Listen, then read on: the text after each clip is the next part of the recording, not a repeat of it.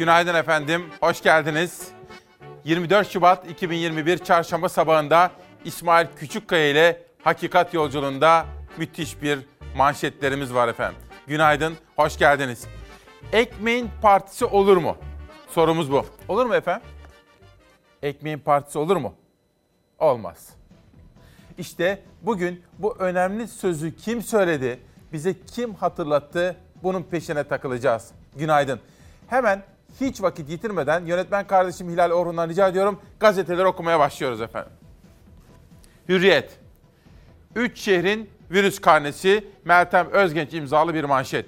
İstanbul 100 binde 68 yüksek riskli.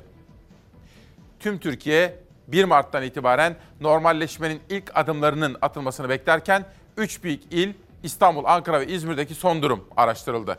Sağlık Bakanlığı 100 binde 35 ve 6 vaka sayısına inen illerde gevşeme adımları atmayı planlıyor. İller 4 sınıfa ayrılıyor. Buna göre 100 binde onun altında vaka görülen iller düşük riskli olacak. 11-35 arası olanlar orta riskli, 36-100 arasındakiler yüksek riskli ve 100'ün üstündekiler çok yüksek riskli kategori alınacak. İstanbul'da 100 bindeki vaka sayısı 68. Yani yüksek riskli. İstanbul'un biraz daha gayret etmesi gerekiyor. Ankara'ya bakalım başkente. Vaka sayısı 100 binde 35. Yani orta riskli iller kategorisindeki Ankara bu haliyle kontrollü normalleşmeye geçebilecek. İzmir'e bakalım. İzmir'de 100 binde vaka sayısı 43. İzmir şu an için yüksek risk grubunda deniliyor. Bugün Karadeniz'i de özellikle yakından takip edeceğiz. Önceki gün Samsun 19 Mayıs Üniversitesi'nden değerli bir bilim insanımız Çalar Saat'e katılmıştı. Dün de Trabzon'dan Karadeniz Teknik Üniversitesi'nden yine bir değerli bilim insanımız Çalar Saat'e katılmıştı. Her ikisinin de sözlerinden Karadeniz'deki durumu yansıtan manşetleri hazırlıyoruz. Biraz sonra sizlere aktaracağım. Ama önce efendim günaydın. İlk selamımızı hastalarımıza söylemek istiyorum. Onlar zor ve ağrılı geçen gecede sabah bizimle buluşmayı dört gözle beklediler. Hastalarımıza ve onlarla ilgilenen bütün sağlık çalışanlarımız ve refakatçilerine, onlara bebekler gibi bakan yakınlarına, dostlarına teşekkür ediyoruz efendim. Günün hava durumuyla manşet yolculuğumuz başlıyor. Yağış yok ancak soğuk hava batıda yeniden etkisini artırıyor. Hafta sonu yaklaşırken termometre değerleri yeniden artışa geçiyor. Gökyüzünde pırıl pırıl parlayan kış güneşi doğuda çığ riskini tetiklerken sisli hava geceden sabaha yurdun pek çok noktasında yoğun olabilir. Bugün Marmara ve Karadeniz'de gökyüzü kapatıyor. İstanbul çevrelerinde hafif yağmur bekleniyor. Orta ve Doğu Karadeniz kıyılarında da hafif yağmur geçişleri görülebilir. Marmara, İç Ege, İç Anadolu, Doğu Anadolu ile Karadeniz'in iç kesimlerinde geceden sabaha sis yoğunlaşabilir. Güneşin etkisini artırdığı saatlere kadar sis, görüş mesafesini ve hava kalitesini düşürecektir. Öte yandan geceden sabaha buzlanma ve zirai don riski de devam ediyor. Özellikle İç Anadolu, Karadeniz'in iç kesimleri ve Doğu Anadolu İstanbul'da buzlanma ve don neredeyse kaçınılmaz tedbir alınmalı. Sıcaklıklarsa bugün yeniden düşmeye başladı. Soğuma yurdun hemen hemen tüm kesimlerinde hissedilecek. Bugün ve perşembe günlerinde birer ikişer düşen termometre değerleri toplamda 4 ila 6 derece soğumaya neden olacak. Soğuk havanın etkisi perşembe günü de hissedilecek. Perşembe günü Karadeniz ve Marmara üzerindeki bulutlar yine gökyüzünü kapatacak. Doğu Karadeniz kıyılarında yağış geçişleri görülebilir. Yurdun kuzey ve doğu kesimlerinde sisli havanın etkisi de devam edecek. Havadaki ısınma çarşamba perşembe ara veriyor. Perşembe günü yurdun pek çok noktasında gündüz güneş görülse de gece saatlerinde keskin sıcaklık düşüşleri yaşanıyor. Buzlanma ve zirai don konusunda tedbir elden bırakılmamalı.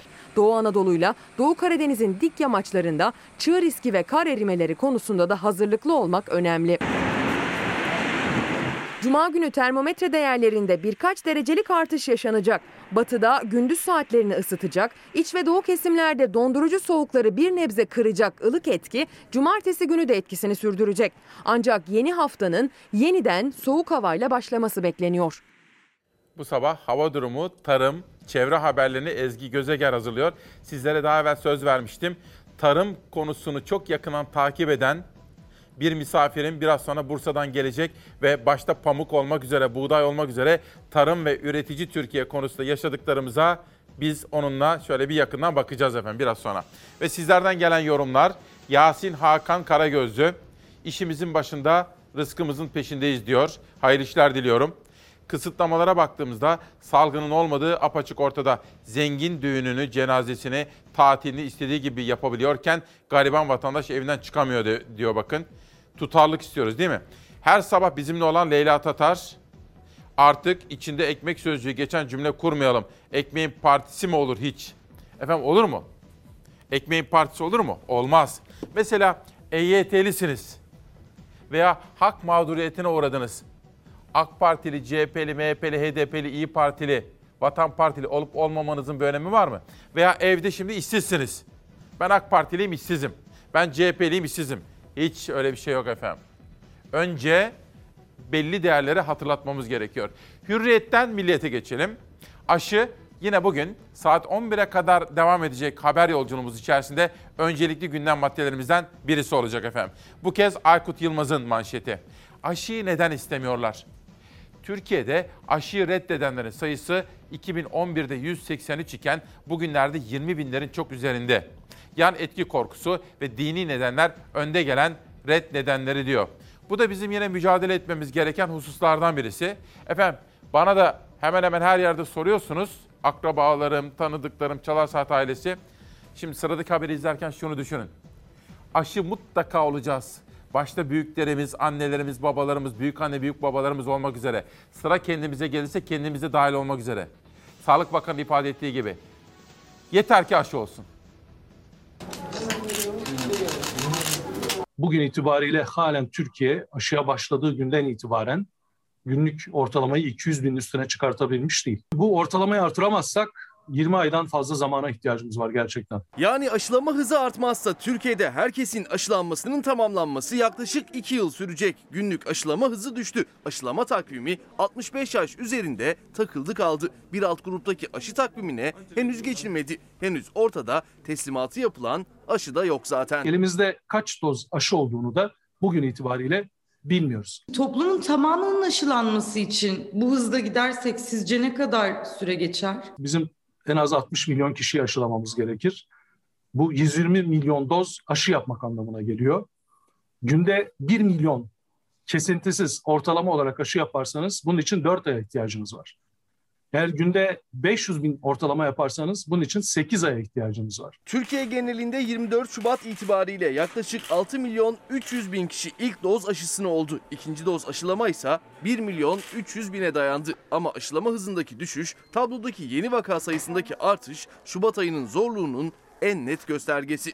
Uzun bir zaman sonra vaka sayıları 9 binin üzerine çıktı. Son 24 saatte yeni vaka sayısı 9107 oldu. Koronavirüs sebebiyle hayatını kaybedenlerin sayısı ise 75. Ağır hasta sayısı da azımsanmayacak kadar çok. 23 Şubat tablosunda 1185 ağır hasta var. Profesör Doktor Kayıhan Pala'ya göre aşılama hızı bu kadar yavaş devam ederse 2022 yılına kadar risk de ortadan kalkmayacak. Birinci ve ikinci dozu olduktan sonra bir antikor süresi var.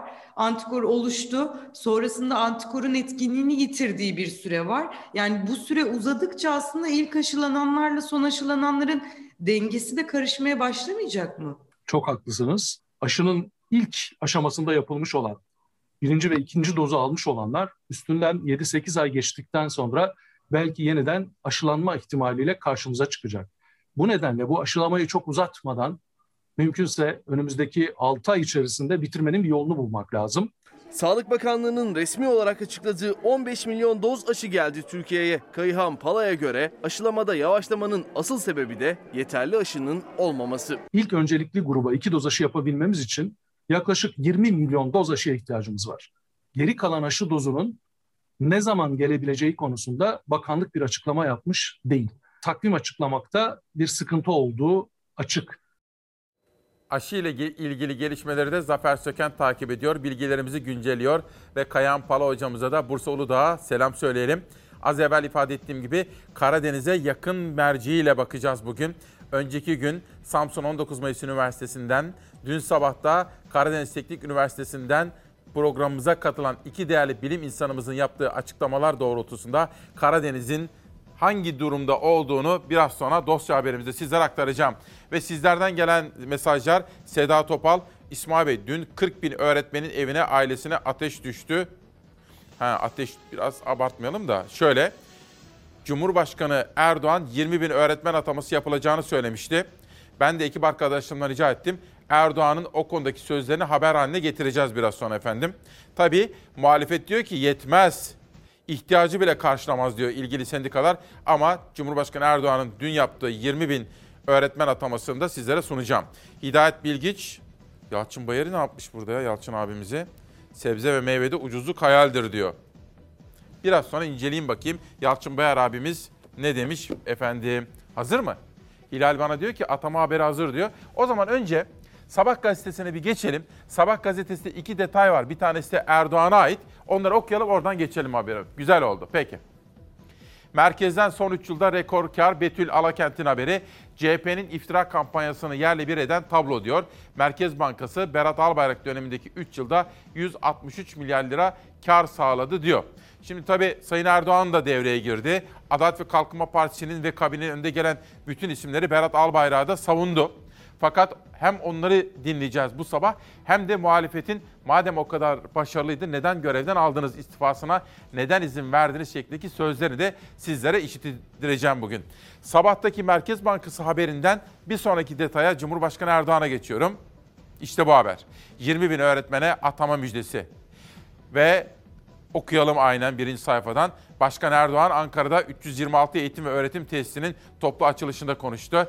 Türkiye son 18 yılda eğitim öğretim altyapısını en hızlı geliştiren ülkelerin başında geliyor. Bakış açısında değiştirdik. Öğrencileri formatlayan Jacoben yani baskıcı zihniyetten kurtardık diyor Cumhurbaşkanı ve Adalet Kalkınma Partisi lideri Erdoğan. 20 bin öğretmen ataması güzel bir haber ama muhalefet bunun yetersiz olduğunu söylüyor.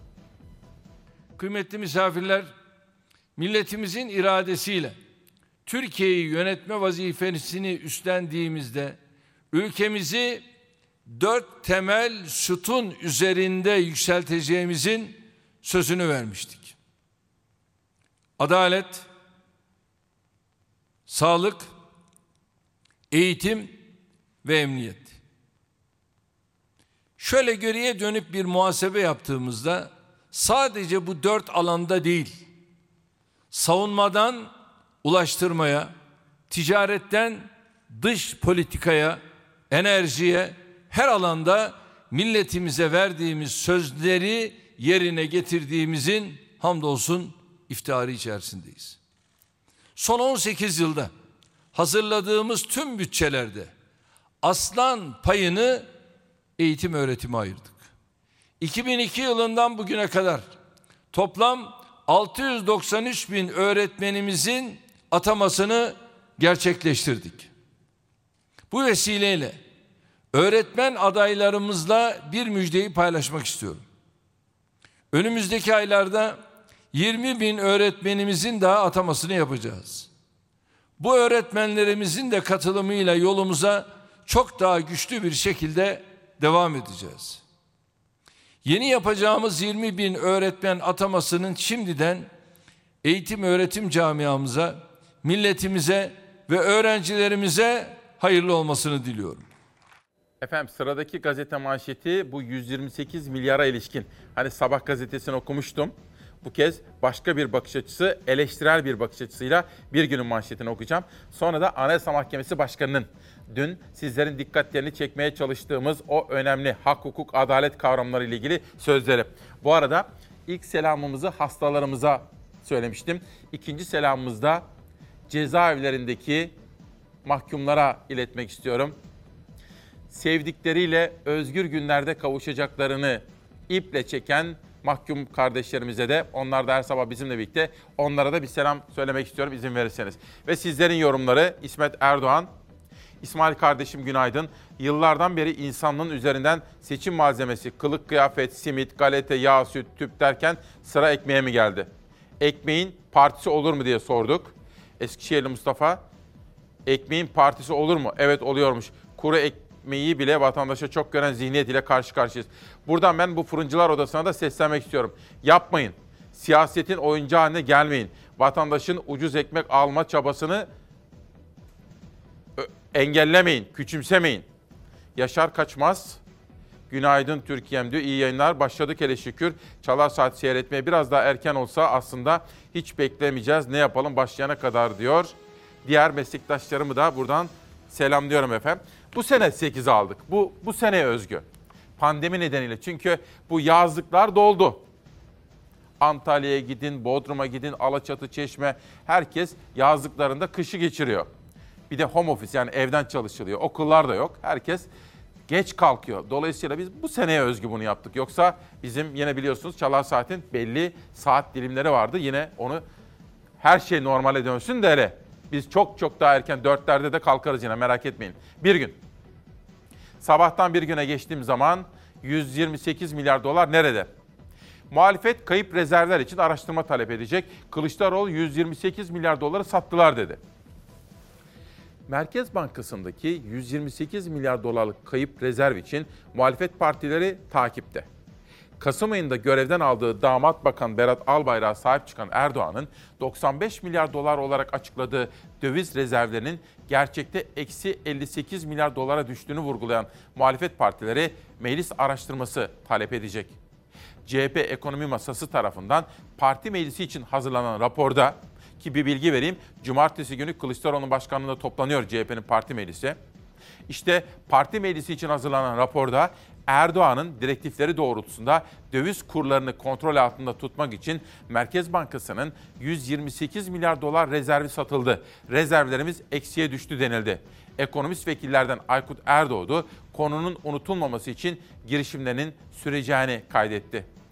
Erdoğan'ın eski Hazine ve Maliye Bakanı Albayrak'a sahip çıkmasını eleştiren CHP Genel Başkanı Kılıçdaroğlu da grup toplantısındaki konuşmasında kayınpeder damat götürüyorlar. 128 milyar doları sattılar. Merkez Bankası'ndaki 128 milyar dolar buharlaştı. Mecliste araştırma önergesi verdik. Reddettiler. Nereye gitti bu para diyor efendim. İşte gördüğünüz gibi Sabah gazetesine bakıyorsunuz Merkez Bankası'nın performansları mucizevi bir performans manşetini görürken Bir Gün gazetesinde bu para nereye gitti şeklindeki rezervlere ilişkin sorular gündeme taşınıyor. Biz her sabah olduğu gibi hak diyeceğiz, hukuk diyeceğiz, adalet diyeceğiz ve her sabah 8 yıldır her sabah yaptığımız gibi hukukun üstünlüğünü, evrensel değerleri hatırlatacağız. Anayasa Mahkemesi şu ana kadar sadece 4 başvuruda ihlalin kanundan kaynaklandığını tespitini yapmış ve keyfiyeten yasama organına bildirilmesine hükmetmiştir.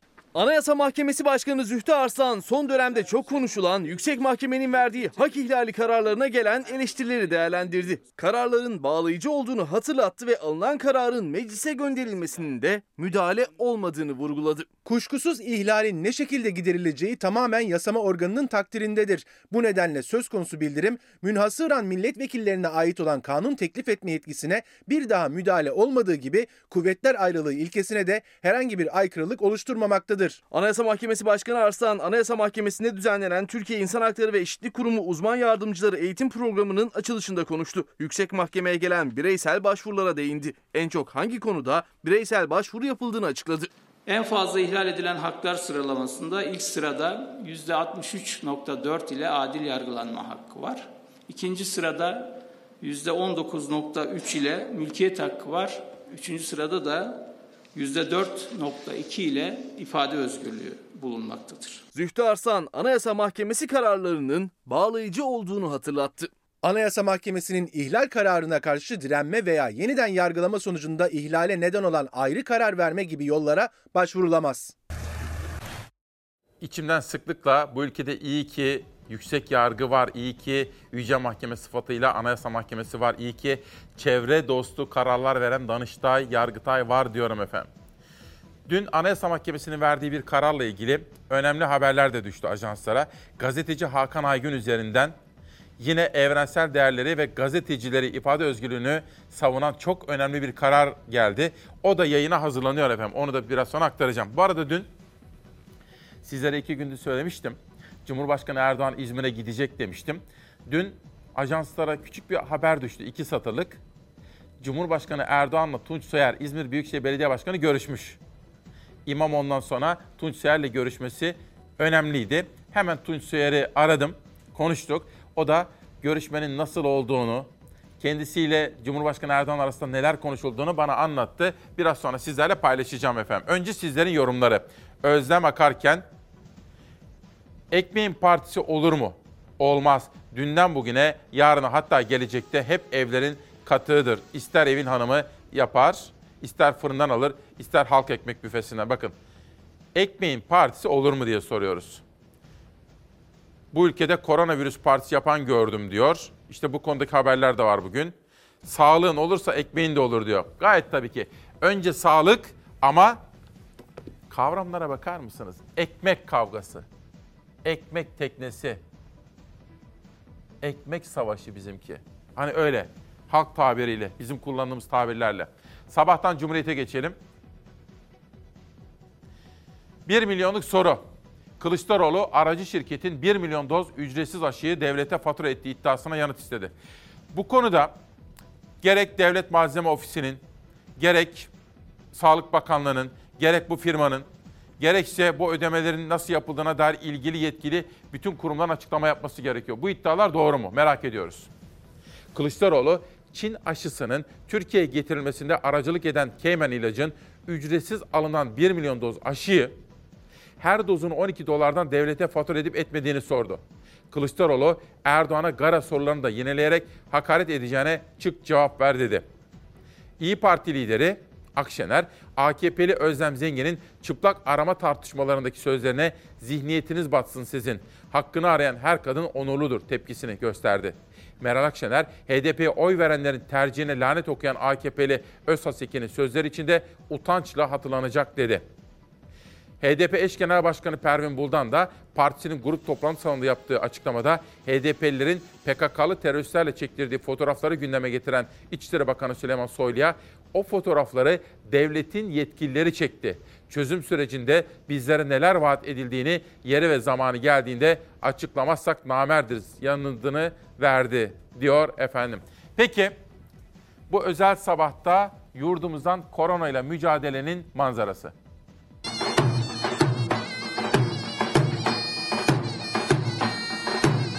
Huzuruna ötmezse acımızdan ölüyor. Geçim sağlığı sağlayamıyor. Zurna çalmaz, davul vurmazsa kazanamıyorlar. Davulcular, zurnacılar, vatandaşın en mutlu gününü şenlendirenler de geçim derdinde. Koronavirüs pandemisinde yerindelik dönemi başladı. Ancak kırmızı listede olan illerde bile kalabalıklar görüntüleniyor. Osmaniye düz içindense müzisyenlerin sesi duyuldu. 1200 kişi adam yaşıyor. Hepimiz bu ekmeğe bakıyoruz. Bu davula zurnaya bakıyoruz. Bize de diğer esnaflar gibi yapılan desteklerden biz de faydalanmak istiyoruz. Özellikle sokak düğünlerinde davul çalarak para kazanan davulcu aşireti pandemi döneminde geçimlerini sağlayamaz oldu. 100 binde 149 vakayla ülkenin en çok koronavirüs vakası görülen illerinden biri Tokat'taysa sokaklar, park ve bahçeler doluydu. Bütün millet sık sıkına oturduğundan mecbur hastalık oluyor. Geçtiğimiz hafta da kritik listedeydi Tokat. Bu haftada durum değişmedi. Şeker pancarı parası almak için bir banka önünde oluşturulan kuyruk endişeleri arttırdı. Sosyal mesafe de olduk kadar. Karışık. 5 kuruş pancar parası alacak diye burada geberecek. Olacak iş mi bu ya? Allah'ım ya Rabbi. Madem ki yatırıyorlar bir, bir bankaya yatırmasınlar. 5-6 bankaya yatırsınlar. Konu emeğin karşılığını almak olunca sağlık ikinci plana atıldı. Vatandaşlar duruma isyan etti, görevliler sık sık uyardı. Şimdi Tokat kırmızı olarak gör, gör, görüntüleniyor ama e, benim anlamadığım pandemi döneminde neden sadece lokantalar? Tokatlı lokanta esnafı ise yerindelik kararı nedeniyle bir türlü açılamamaktan korkuyor. Maskelerimizi takıyoruz. Mesafeye dikkat ediyoruz. Aksaray'da da durum kritik. Son açıklanan tabloda da kırmızı listede yer alan şehirde 100 binde 108 vaka görülüyor. Akşamları komşular arası oturmalar çok sık devam ediyor. Hafta sonları istisnaların dışındaki vatandaşlarımız sokağa çıkıyor. Artık Aksaray'ın elinde her şey. Vali Hamza Aydoğdu şehirde yapılan denetimlere katıldı ve uyardı. Kurallara hep beraber uymak şart. Mutasyonlu virüs hastaneye geldi biliyorsunuz. Kurallara hep beraber uymamız gerekiyor. Vatandaş ekibinde bir kısıtlama var ondan dolayı havada iyi olduğundan Olsun ama birden sonra evdeyiz. İnşallah. Peki. Soğuk geçen günlerden sonra güneşi gören kendini sokağa attı pazartesi günü. Turuncu listede yer alan Çanakkale'de de durum benzerdi. Sağlık Bakanımız artışın olduğunu söyledi Çanakkale'de ancak insanlar e, yani görüldüğü üzere bugün güneşli havayı fırsat bilip kendilerini dışarı atmışlar. Haftalık vakanın 10 binin üzerine çıktığı turuncu listedeki İstanbul'daysa Arnavutköy'de bir minibüste çekilen görüntüler hala tedbirlere tam olarak uyulmadığını gösterdi. Koronavirüs var. Minibüslerde yok sanki.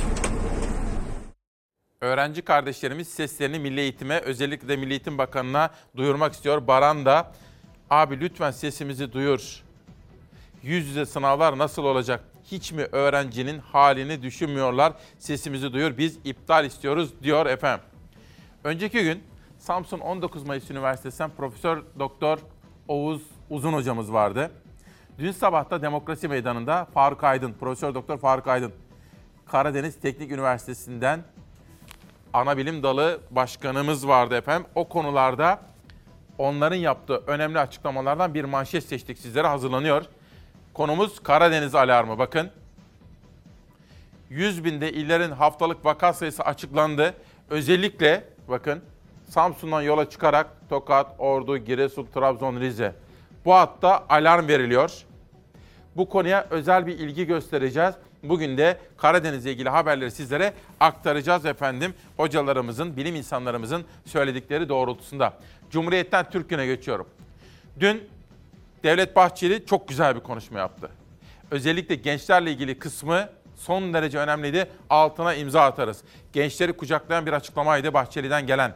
Teminatımız gençlerimiz diyor Türk Günü manşetinde. MHP lideri Bahçeli kendi evlatlarına el bebek gül bebek muamelesi yapan, başkalarının evlatlarını siyasal ihtirasları için kavgaya yönlendirenler zilletin dipsiz çukuruna düşen sorumsuz ve kirli zihniyetlerdir. Buna izin vermeyeceğiz dedi ve çocuklara hepiniz bizim evlatlarımızsınız diye başlayan çok güzel sözlerle kucak açtı MHP lideri Devlet Bahçeli. Onun da altını çizmek isterim. İlerleyen bölümlerde o konuları sizlere detaylı olarak anlatmaya gayret edeceğim. Şimdi Türk Günden Sözcü'ye geçelim. İyi Parti lideri Akşener iktidara ağır sözlerle yüklendi. Sayın Erdoğan, millete gelince cebinde akrep var, müteahhidine gelince dükkan senin diyorsun. Böyle devlet yönetilmez diyen Meral Akşener şunları söyledi. Erdoğan ve yöneticilerini ciddiyete çağırıyorum. Ateş bacayı sarmış, panik halindesiniz. Titanik batıyor. Sen bu kafayla gitmeye devam edersen bu cefakar millet seni sandıkta aya değil eve gönderecek diyor. Ve haberin yanındaki fotoğrafın altında da esnaf siftah yapamıyor diyor Akşener. Esnaf kapısına kilit vuruyor. Emekliler enflasyona ezdiriliyor dedi. Gündemine enflasyonun ve özellikle pandeminin neticesinde meydana gelen ekonomik durumu gözler önüne seriyordu Meral Akşener. Şimdi bir çevre haberi. Günlerden beri Mersin'den gelen bir haber için Mersin Limanı'na gidiyoruz. Eğer mevcut limanın işletmecisinin talep ettiği genişletme kabul edilecek olursa gördüğümüz bu alan olduğu gibi doldurulacak ve Mersinlilerin denize ulaşmasının önüne geçilecek. Bahsettiğim gibi burası konteyner çöplüğüne dönecek. Bunu asla kabul edemeyiz. Var olan limanın genişletilmesi gündeme geldi. Komşu parkın liman için kullanılacak olması endişelendirdi. Denizin ve yeşilin buluştuğu tarihi Atatürk Parkı'nı katlettirmeyeceğiz, ranta kurban etmeyeceğiz. Mersin liman işletmesi gündeme getirdi. Var olan konteyner aktarma limanı yetersiz genişletilmeli dendi. Gözler limana komşu tarihi Atatürk Parkı'na çevrildi. CHP Mersin Milletvekili Cengiz Gökçel mevcut liman yetersiz ancak parkı limana kurban etmek doğru değil diyor. Mevcut limanın da kapasitesinin ihtiyacı karşılamadığı gerçek. Ancak bu limanın genişleyeceği alan doğayı ve tarihi Atatürk Parkı'nı yok ettiği gibi Mersin'in silüetini bozacak, konteyner mezarlığına çevirecek.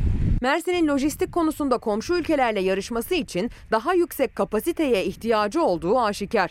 Mersin'in bu ihtiyacı 9. ve 10. kalkınma planlarında kendine yer bulmuştu. Ancak yeni plan projesi 11. kalkınma planından çıkarıldı. Var olan konteyner aktarma limanının genişletilmesi gündeme geldi. Ancak şehrin görünümü ve tarihi Atatürk Parkı'nın durumu akıllara takıldı. Mersin ana konteyner aktarma limanını projelendirildiği ve 1 bölü 100 binlik çevre planında işli olduğu çevre e, raporunun da ÇED raporunun da alınmış olan yerine bir an önce bu projenin yapılması gerekiyor ki hem mavi vatana sahip çıkalım, ülkemizin ekonomisini güçlendirelim, Mersin'in ekonomisini güçlendirelim ve istihdam sağlayalım. Gökçel, Mersin'e lojistik yatırımlar yapılmasını mavi vatana yatırım yapmak olarak niteledi. Ancak şehrin doğasının ve görünümünün de korunması gerektiğini vurguladı. Bugün Karadeniz'le ilgili dosyamızın dışında sizlere tarımla ilgili özel haberler sunacağız ve tarım politikasını yakından takip eden bir isim Bursa'dan yola çıktı. Geliyor biraz sonra sizlerle olacak. Başta pamuk, buğday olmak üzere tarım ve üretici ile ilgili yoğun bir şekilde haberler yapacağız. Sizlerden gelen mesajlarda budur efendim. Sözcü. Asgari ücretlinin kapısının önünde arabası mevcut. Millet karnını doyuramıyor. AKP'li vekil böyle diyor. AKP Kayseri Milletvekili İsmail Tamer ekonominin iyi yolda olduğunu söylemek isterken milyonlarca asgari ücretliyle alay eder gibi konuştu. Müslüm Evci'nin haberi. Okuyalım bakalım neymiş. 25 bin lira milletvekili maaşı alan AKP'li İsmail Tamer, iktidarın ekonomi politikasını eleştirenlere gerçeklerle bağdaşmayan örneklerle yanıt verdi.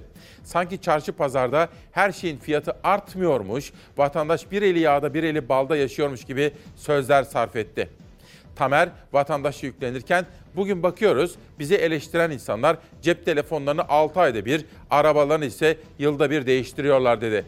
Asgari ücretler içinde artık asgari ücretlerimizin evinin önünde arabası mevcut diye konuştu. Sözleri olay oldu diyor. Tabii hayata yabancılaşmamak lazım. İster gazeteci, ister iş adamı, ister siyasetçi olsun ülkesine, ülkesinin insanına, halkına, halkının gerçeklerine yabancılaşmaması lazım. Bunun için de halkının içinde yaşaması gerekiyor efendim. Bir sorsunlar bakalım. 34 milyon insan ne borcu ödüyor Türkiye'de? 34 milyon insan ne borcu ödüyor bu ülkede? Acaba borçsuz hane sayısı kaçtır? Acaba 17 milyon insan nasıl geçiniyor? Devlet yardımlarıyla geçiniyor. Yani demem o ki uzun lafın kısası bir insan hangi işi yaparsa yapsın halkına ve halkının yaşadığı gerçekliğe sırtını dönmemeli ve yabancılaşmamalı diyor ve sıradaki habere geçiyorum. Bir dakika. Türkiye'nin Bir dakika Hilal ne vardı? Anons edin. Peki. Şimdi ben biraz hızlı davranıyorum bazen. Bir parça daha yavaşlamaya çalışıyorum. Hilal beni bilgilendirdi. Sıradaki haber Saadet Partisi'nin bir videosu. Video ne biliyor musunuz efendim? Video şu. Hani vergi ödüyoruz ya biz. Sıklıkla muhalefet partileri de gündeme getiriyorlar. Yok işte pırlantanın vergisi neden yok? Pırlantadan çok az vergi alınırken veya hiç alınmazken veya yattan veya lüks tüketimden o kadar az vergi alınırken temel ihtiyaçlardan mesela bebek maması başta olmak üzere temel gıdalardaki, temel ürünlerdeki vergi ne kadar yüksek, lüks tüketimdeki vergi ne kadar farklı, çelişkili. İşte Saadet bunun bir dakikalık videosunu yaptırmış. Türkiye'nin ilk mantık gerektirmeyen bilgi yarışmasına hoş geldiniz. Kim vergisini bilmek ister? Hazırsanız ilk sorumuz gelsin. Aşağıdakilerden hangisi özel tüketim vergisine tabidir? Pırlanta, mutfak tüpü, yat, elmas. İlk soruda elenmeyenleri tebrik ediyoruz. Hangi önemli ihtiyacımızın KDV oranı daha yüksektir?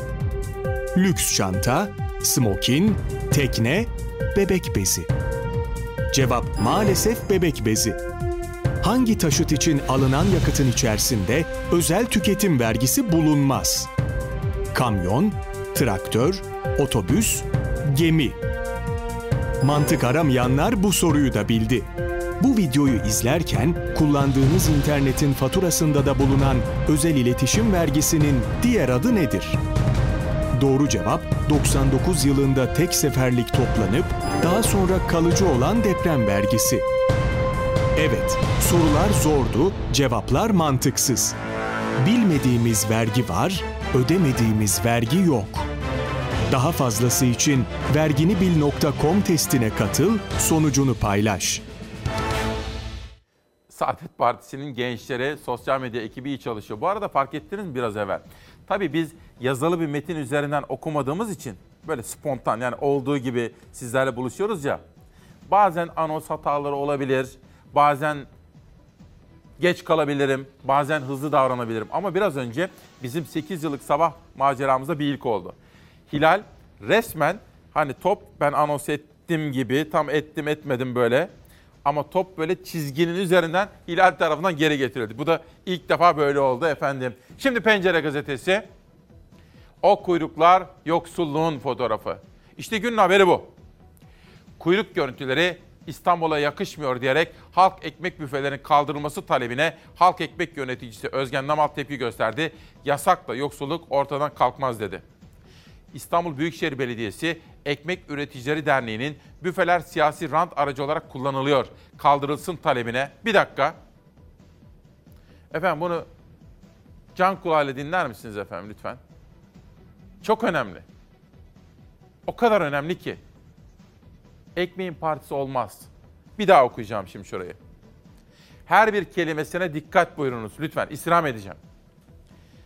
Şurayı gösterelim. Ben de kameraman arkadaşlarımdan rica edeceğim. Ben de birlikte sizler de okuyunuz. İstanbul Büyükşehir Belediyesi Ekmek Üreticileri Derneği'nin büfeler siyasi rant aracı olarak kullanılıyor, kaldırılsın talebine ve bu talebin valilik tarafından ciddiye alınarak kendilerinden yanıt istenmesine tepkili. Halk Ekmek Başkan Vekili Özgen Nama, yoksulluğu yasaklayarak değil, sorgulayarak çözüm aranmalı dedi. Tarihinde ilk defa büfelerin önünde kuyruk oluştuğuna dikkat çekti. Özgen Nama, üretimi artırmalarına rağmen kuyrukların önüne geçilemediğini anlattı. İnsanlar o kuyruklarda beklerken zevk almıyor. Empati yapmak lazım. Yani kendinizi o insanların yerine koyun diyor. Ve o insanlar o kuyruklarda beklerken komşusu onu görüyor. Çocuğunun arkadaşı geçerken onu görüyor. Keyfi kuyruklar değil. Gelinen noktada yoksulluğun fotoğrafıdır, yoksulluğun kuyruklarıdır dedi. Ben buradan işte bu fırıncılar odası mıdır nedir her birine seslenmek istiyorum. Efendiler herkes işini yapsın. Herkes işini yapsın. Halk ekmek uzun yıllardır var. Halkımızın 1 lira daha ucuz ekmek almasının bir sebebi var. Bunu önüne geçmeye çalışmayın. Siyasetin oyuncağı olmayın. Olmayın. Halkın ekmeğiyle oynamayın. Halk keyfinden alıyor değil o ekmeği, halk ekmeği. Ayrıca dün akşam ana haberimizde etiketi oradan seçtim. Aslında gündüz, Hilal sen onu ver. Aslında gündüz biz Nihal Kemaloğlu ile gündemi çalıştık. Etiketimiz farklıydı. Gündemimiz biraz daha farklıydı. Fakat sonra editörüm Zeray Kınacı ile de konuştum. Gazeteyi de değiştirdik, etiketi de değiştirdim. Ana haber bültenimizde bir vatandaşımız konuşuyordu. Ekmekle ilgili. Heh, gelmiş. İşte bakın. Dün Gülşah İnce kendisiyle konuşmuş halk ekmek kuyruğunda. Çok güzel konuşuyordu efendim. Ekmeğin partisi olur mu diyen işte bu büyüğümüz. Ben kendim AK Partiliyim diyor. Ekmeğin partisi olur mu? Ekmeğin sağı solu olur mu? Ekmek ekmektir diyor efendim. İşte bakın ben bugün manşetimizi işte buradan aldım. Yönetmenim bana söylüyor haber hazır diyor ama haberi biraz sonra verelim Hilal. Şimdi bir de CHP'nin hazırladığı bir video vardı. CHP'nin gündeminde de esnaf vardı. Onu da izleyelim. Ama ekmek haberini biraz sonra anlatacağım. Çünkü üzerinde bir çift daha söz söylemek istiyorum. Esnaf Türkiye Cumhuriyeti Devleti'nin orta direğidir. Bizim kadar büyük sıkıntı yaşayan başka bir esnaf yoktur. Bu Covid kadar akıllı bir virüs hiç yok. O kongrelere gitmiyor ama kahveci dükkanı açtığı zaman Covid oraya gidiyor. Gidiyorsunuz kongreye lebalep dolu ama iki kişi lokantada oturup yemek yediği zaman olmaz diyorlar. 1 milyon 300 bin esnafa 7 milyar lira verdiler. Bunların sadece kira ertelemesi 18 milyar lira. Akla bakın ve mantığa bak. Esnaf perişan değerli arkadaşlar. Biz halkın başına bela olan bir siyasi iktidarı demokratik yollarla göndereceğiz. Evet, Fırıncılar Odası değilmiş. İyi neyse ki. İstanbul Ekmek Üreticileri Derneği'ymiş. Onlarla bir, herhalde biraz konuşmamız gerekiyor. Öyle anlaşılıyor. Ama halkın ekmeğiyle oynamayın diyelim onlara mesaj olarak. Ekmek haberi biraz sonra olacak efendim gündemimizde. Klinik psikolog Bilge Çevik gerçek tanıklarla akran zorbalığı. Bilge Çevik genç bir avukat. Aynı zamanda benim Gazi Üniversitesi İletişim Fakültesinden hocamın Kemal Çevik, Profesör Doktor Kemal Çevik'in kızı efendim. Bilge bir kızdır. Ve Zeynep Turan 2021 Var Olmak isimli kitabını yazmış, imzalamış ve bana bırakmış. Efendim ben şöyle bir fincan sade kahve içip bu müthiş sabah buluşması için huzurlarınıza döneceğim. Günaydın efendim. 24 Şubat 2021 Çarşamba sabahında İsmail Küçükkaya ile hakikat yolculuğundasınız. Öyle değil mi? Bizimki hem bir demokrasi meydanı herkese açık, ülkem konuşsun hem de hakikat yolculuğu. Aradığımız şey hakikat. Biraz sonra tarım ve üretici konusunda çok geniş haberler hazırladık dosyalar ve Bursa'dan bu konuda gerçekten tarlada, gerçekten bağda bahçede olan bir isim davet ettim. Ben ilk defa tanıyorum kendisini. Arkadaşlarımdan rica etmiştim. Sağ olsunlar davet ettik. Geldi buraya biraz sonra konuşacağız. Bugün diyoruz ki ekmeğin partisi olur mu hiç? İşte bunu konuşacağız çok detaylı olarak. Sesçimiz Turgay'ın da sizlere selamları var diyerek bir ilk akşam gazetesiyle başlamak istiyorum efendim. Bu kuşağı akşam gazetesi çünkü önemsediğim bir haberle çıkmış korkutan değişim. Türkiye 1 Mart'ta normalleşme hazırlanıyor ancak son tabloya göre gidişat kötü. İstanbul'da da ortalama yükseldi. Sabah 8'de sizlere anons ettiğim üzere önceki gün Samsun 19 Mayıs Üniversitesi'nden dün de Trabzonspor Trabzon Spor diyorum. Trabzon'daki Karadeniz Teknik Üniversitesi'nden değerli konuğumuz bize neler anlattı. Karadeniz'deki vaka sayısını da sizlere aktaracağım. Ama önce sizi uyarmak istiyorum. Başta İstanbul olmak üzere ülkemizde hava kirliliği problemi maalesef yeniden baş gösterdi. Hava kalitesini takip eden sensörler alarm verdi. İstanbul için kalite pek çok ilçede hassas seviyeye geriledi. Yurt üzerindeki yüksek basınç nedeniyle durgunlaşan havada karışım azaldı. Havaya salınan kirleticiler kirletenlerin üzerine çöktü. Son günlerde sadece İstanbul'u değil, yurdun hemen hemen tüm kesimlerini etkisi altına aldı yüksek basınç sistemi. Yüksek basınç demek, hava kalitesinin çökmesi, havadaki karışımın azalması demek en kaba tarifle. Havadaki karışım azalınca insanlığın gökyüzüne saldığı kirlilik çöküyor, atmosfere karışmıyor. Hal böyle olunca hava kirliliğiyle ilgili sensörler uyarı veriyor. Çevre ve Şehircilik Bakanlığı'nın haritasına göre İstanbul'un Avrupa yakasında Aksaray, Mecidiyeköy, Ali Beyköy, Esenler, Şirinevler, Yenibosna, Sultan Gazi, Başakşehir ve Esenyurt sensörleri, Anadolu yakasındaysa Kadıköy, Ümraniye, Sancaktepe, Sultanbeyli ve Tuzla sensörlerinde kirlilik hassas seviyede ölçüldü. İstanbul Büyükşehir Belediyesi ise 5 ilçe için uyardı. Mecidiyeköy, Ali Beyköy, Sultan Gazi ve Esenyurt için hassas seviyede kirli havası var dedi belediye. Hassas seviyede kirli hava demek PM10 kirletici seviyesi yüzün üzerine çıktı demek. Bu durum özellikle solunum yolları rahatsızlıkları olanları etkiliyor. Koa, astım, zatüre gibi kronik solunum yolu rahatsızlığı olanlar bugünlerde kendini daha fazla korumalı. Sizlere bugünün özetini sunacağım ama bir taraftan öğrenci kardeşlerim, liseliler milli eğitime seslerini duyurmak istiyorlar. Lütfen diyorlar biz erteleme istemiyoruz iptal istiyoruz diyorlar. Bir taraftan Hilal Evcimen gibi formasyon almayın diyerek bizi kandıranlar bakana seslenmek istiyorlar. Öğretmen adayları da hak mağduriyetiyle ilgili mesajları yolluyorlar. Peki bugün neler var? Bugün demokrasi meydanında bakın. Bir, Karadeniz alarmı. Samsun'dan yola çıkarak Ordu, Giresun, Trabzon, Rize. Vaka sayıları ile ilgili alarm. İki bilim insanımızın Karadeniz'den yaptığı açıklamalar bugün burada olacak ve kulis bilgileri ara seçim planı. İktidar siyasi gündemi değiştirebilmek için, siyasi planlarını hayata geçirebilmek için ara seçimi mi zorlayacak?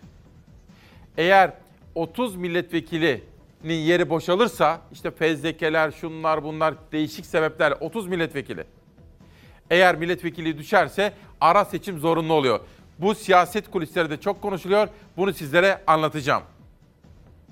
Dün yaptığı konuşma çok ses getirdi. MHP lideri Devlet Bahçeli'nin gençlere yönelik onları kucaklayan, sarmalayan ve onlara güzel mesajlar veren dünkü açıklaması çok konuşuluyor. Onun da altını çizmek istiyorum. Bir de özel bilgi vereceğim sizlere. Dün Tunç Seyer'i aradım. Çünkü ajanslarda Cumhurbaşkanı Erdoğan'la Tunç Seyer arasında bir görüşme vardı. Ve kendisine nerede görüştüklerini, ne kadar görüştüklerini, hangi konuları gündeme taşıdıklarını ve Cumhurbaşkanı Erdoğan'ın neler söylediğini sordum. Biraz sonra özel haber olarak da sizlere aktaracağım. Ve sizlere söz vermiştim. Biraz evvel kendisiyle tanıştım. Daha önce tanımamıştım ama çalışmalarını yakından takip ediyordum uzaktan. Ekip arkadaşlarımdan rica etmiştim. Orhan Sarıbal, CHP Bursa Milletvekili ile tarımı konuşacağız. Çünkü ne zaman baksam bir tarlada, bir bahçede, bir köyde. Dolayısıyla kendisini ben de tanımak istiyordum. Benimle birlikte sizler de tanıyın istiyordum efendim. Hilal nereye gidelim? Ha. Diyor ki kötü örnek diye bir haberimiz var. O kötü örnek haberini ben size şöyle tek kelimeyle doğru telaffuz edebilecek miyim bilmiyorum ama tek kelimeyle anlatacağım. Siz haberi izleyeceksiniz. Lebalep. Rize'de salon lebalep dolu. Normalleşmeyi konuştuğumuz şu günlerde daha hızlı normal hayata dönebilmek için her birimiz tedbirlere daha çok uymalıyız. Lebalep dolu onların ifadesiyle. Lebalep dolu. Orada Covid hiç olmuyor arkadaşlar. Bu Covid kadar akıllı bir virüs hiç yok. O kongrelere gitmiyor. Sadece siyaset değil hem esnaf hem de doktorlar tepkili bu görüntülere. Son olarak AK Parti İzmir İl Kongresi'nde yaşanan görüntülerle tepki sesi daha da yükseldi. Salonlardaki mesafesiz kalabalıkları, siyasetçilerin katıldığı ve safların sık olduğu cenaze törenlerini hatırlatan İstanbul Tabip Odası kötü örnek yorumunu yaptı. Bir ülkenin e, liderleri mutlaka söylediği şeyi yapmalı. Yoksa topluma iyi bir örnek olamaz. Bu toplum açısından şöyle algılanır. O zaman benim de önlem almama gerek yok diye düşünür. Bu bir seferberlik işidir, salgın mücadelesi. Hepimiz aynı koşullardayız ve aynı tedbirleri almak zorundayız. Salgın sürecinde cenaze namazlarına katılım da 30 kişiyle sınırlandırılmıştı. Yakınlarının cenazesine katılamamak, son görevlerini yapamamak pek çok kişinin acısını daha da arttırdı. Ama bu kural siyasetçiler için geçerli olmadı. Taziyelerimizi telefonla bildirmek, Fatiha'mızı uzaktan okumak aynı sonucu verir. Cumhurbaşkanı Erdoğan gibi Sağlık Bakanı Fahrettin Koca da her fırsatta aynı uyarıları yaptı. Ancak geçtiğimiz pazar günü düzenlenen ve yüzlerce kişinin katıldığı cenazede hem Sağlık Bakanı hem Cumhurbaşkanı kalabalığın tam ortasındaydı. Bakan Koca eleştirilere yanıt vermedi ama önceki akşam tedbirlere sıkı sıkıya uyalım çağrısını yineledi. Bakanın da paylaştığı haritada Karadeniz'deki vaka artışı açıkça belli. Muhalefete göre yine sebep AK Parti'nin kendi açıklamalarına ve kurallarına uymaması. Neymiş efendim? Karadeniz insanı söz dinlemiyormuş. Karadeniz insanı kurallara uymuyormuş. Karadeniz insanı ev ziyaretleri yapıyormuş. Bu artışın temel sebebi AKP kongreleridir. Niye biliyor musunuz? Çünkü orada bir aydır AKP ilçe kongreleri yapılıyor. Ve bu kongre salonları hınca hınç dolu. Gidiyorsunuz kongreye lebalep dolu. Ama iki kişi lokantada oturup ye- yemek yediği zaman olmaz diyorlar. Samsun ve Ordu'dan sonra en büyük artışın yaşandığı 3. şehir Giresun. 8 Şubat'ta yapılan AK Parti kongresinden sonra vaka sayısı arttı. Kongrelerin yapıldığı diğer illerde de vaka sayılarında yükseliş var. Karadeniz bölgesindeki tabip odaları başkanları da kongrelere dikkat çekti. Gelecek 10 gün e, sonrası için pandemi e, salgınının şiddetlenmesi açısından bir takım kaygılar oluştu. İzmir'de düzenlenen AK Parti İl Kongresi'nde de çekilen görüntülerde endişe yarattı. Salona girmeye çalışanlar izdihama neden oldu. Koronavirüs önlemleri hiçe sayıldı. Sosyal mesafe kuralına salonun içinde de uyulmadı. Bu kongrenin hazırlıkları için çalışan bazı partililerin testleri de pozitif çıktı. AK Parti Selçuk İlçe Başkanı Selim Girbiyanoğlu koronavirüse yakalandığını duyurdu. AK Partili bir başka isim Konya Milletvekili Selman Özboyacı da koronavirüse yakalandı. Özboyacı 15 Şubat'ta AK Parti Konya İl Kongresi'ne, 19 Şubat'ta ise Eskişehir İl Gençlik Kolları Kongresi'ne katılmıştı. Şimdi bir arkadaş bana hakaret ediyor. Aslında hakaret etmese, eleştirse ne kadar güzel okuyacağım. Ama hakaret etmeden de başarabiliriz arkadaşlar. Birbirimize saygımız olsun.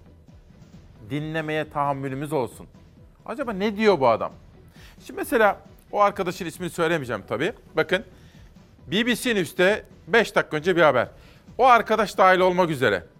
Özellikle AK Parti'ye gönül vermiş değerli izleyenlerim. AK Parti'ye oy veren değerli izleyenlerim de yanıt versinler. Bakın şu görüntü normal mi Allah aşkınıza? Lebalep kongreler. Muhalefet neden eleştiriyor? AKP nasıl savunuyor? BBC News böyle bir analiz yapmış. Bana hakaret etmek yerine bunu düşünmemiz gerekiyor. Bu doğru mu gerçekten? Keşke Sağlık Bakanı görsem de sorsam ona. Efendim ne diyorsunuz bu konuda gerçekten diye. Eğer bu doğruysa o zaman esnafın dükkanını da açmamız gerekiyor. Ya bu kurallara uyuluyor diyorsak, mesela AK Partililer şunu söylüyorlarsa, kardeşim 3000 kişiyi topluyoruz biz, 5000 kişiyi topluyoruz ama kapalı salon tamam ama biz kurallara uyuyoruz diyorlarsa o zaman aynı kriterleri geçerli tutmak kaydı ile esnafın da dükkanı, çorba salonları açılsın mesela. Haksız mıyım? Bana hakaret edeceğine bu arkadaş buna yanıt versin. Akşamdan bir güne geçiyorum. Bir gün, bir gün okumadım. Tuğba geri dönelim lütfen. Teşekkürler. Bazen bizim reji de benden hızlı. Şimdi benim hızıma ayak uydurmaya çalışıyorlar. Ben yavaşlamaya çalışıyorum. Şov AKP'den, test devletten.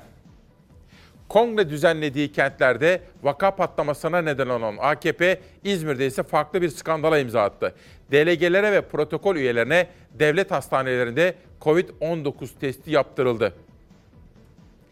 Test ve aşı skandallarının ardı arkası kesilmezken salgın kurallarını takmayarak kongrelere devam eden AKP'nin bir rezalete daha imza attı ortaya çıktı.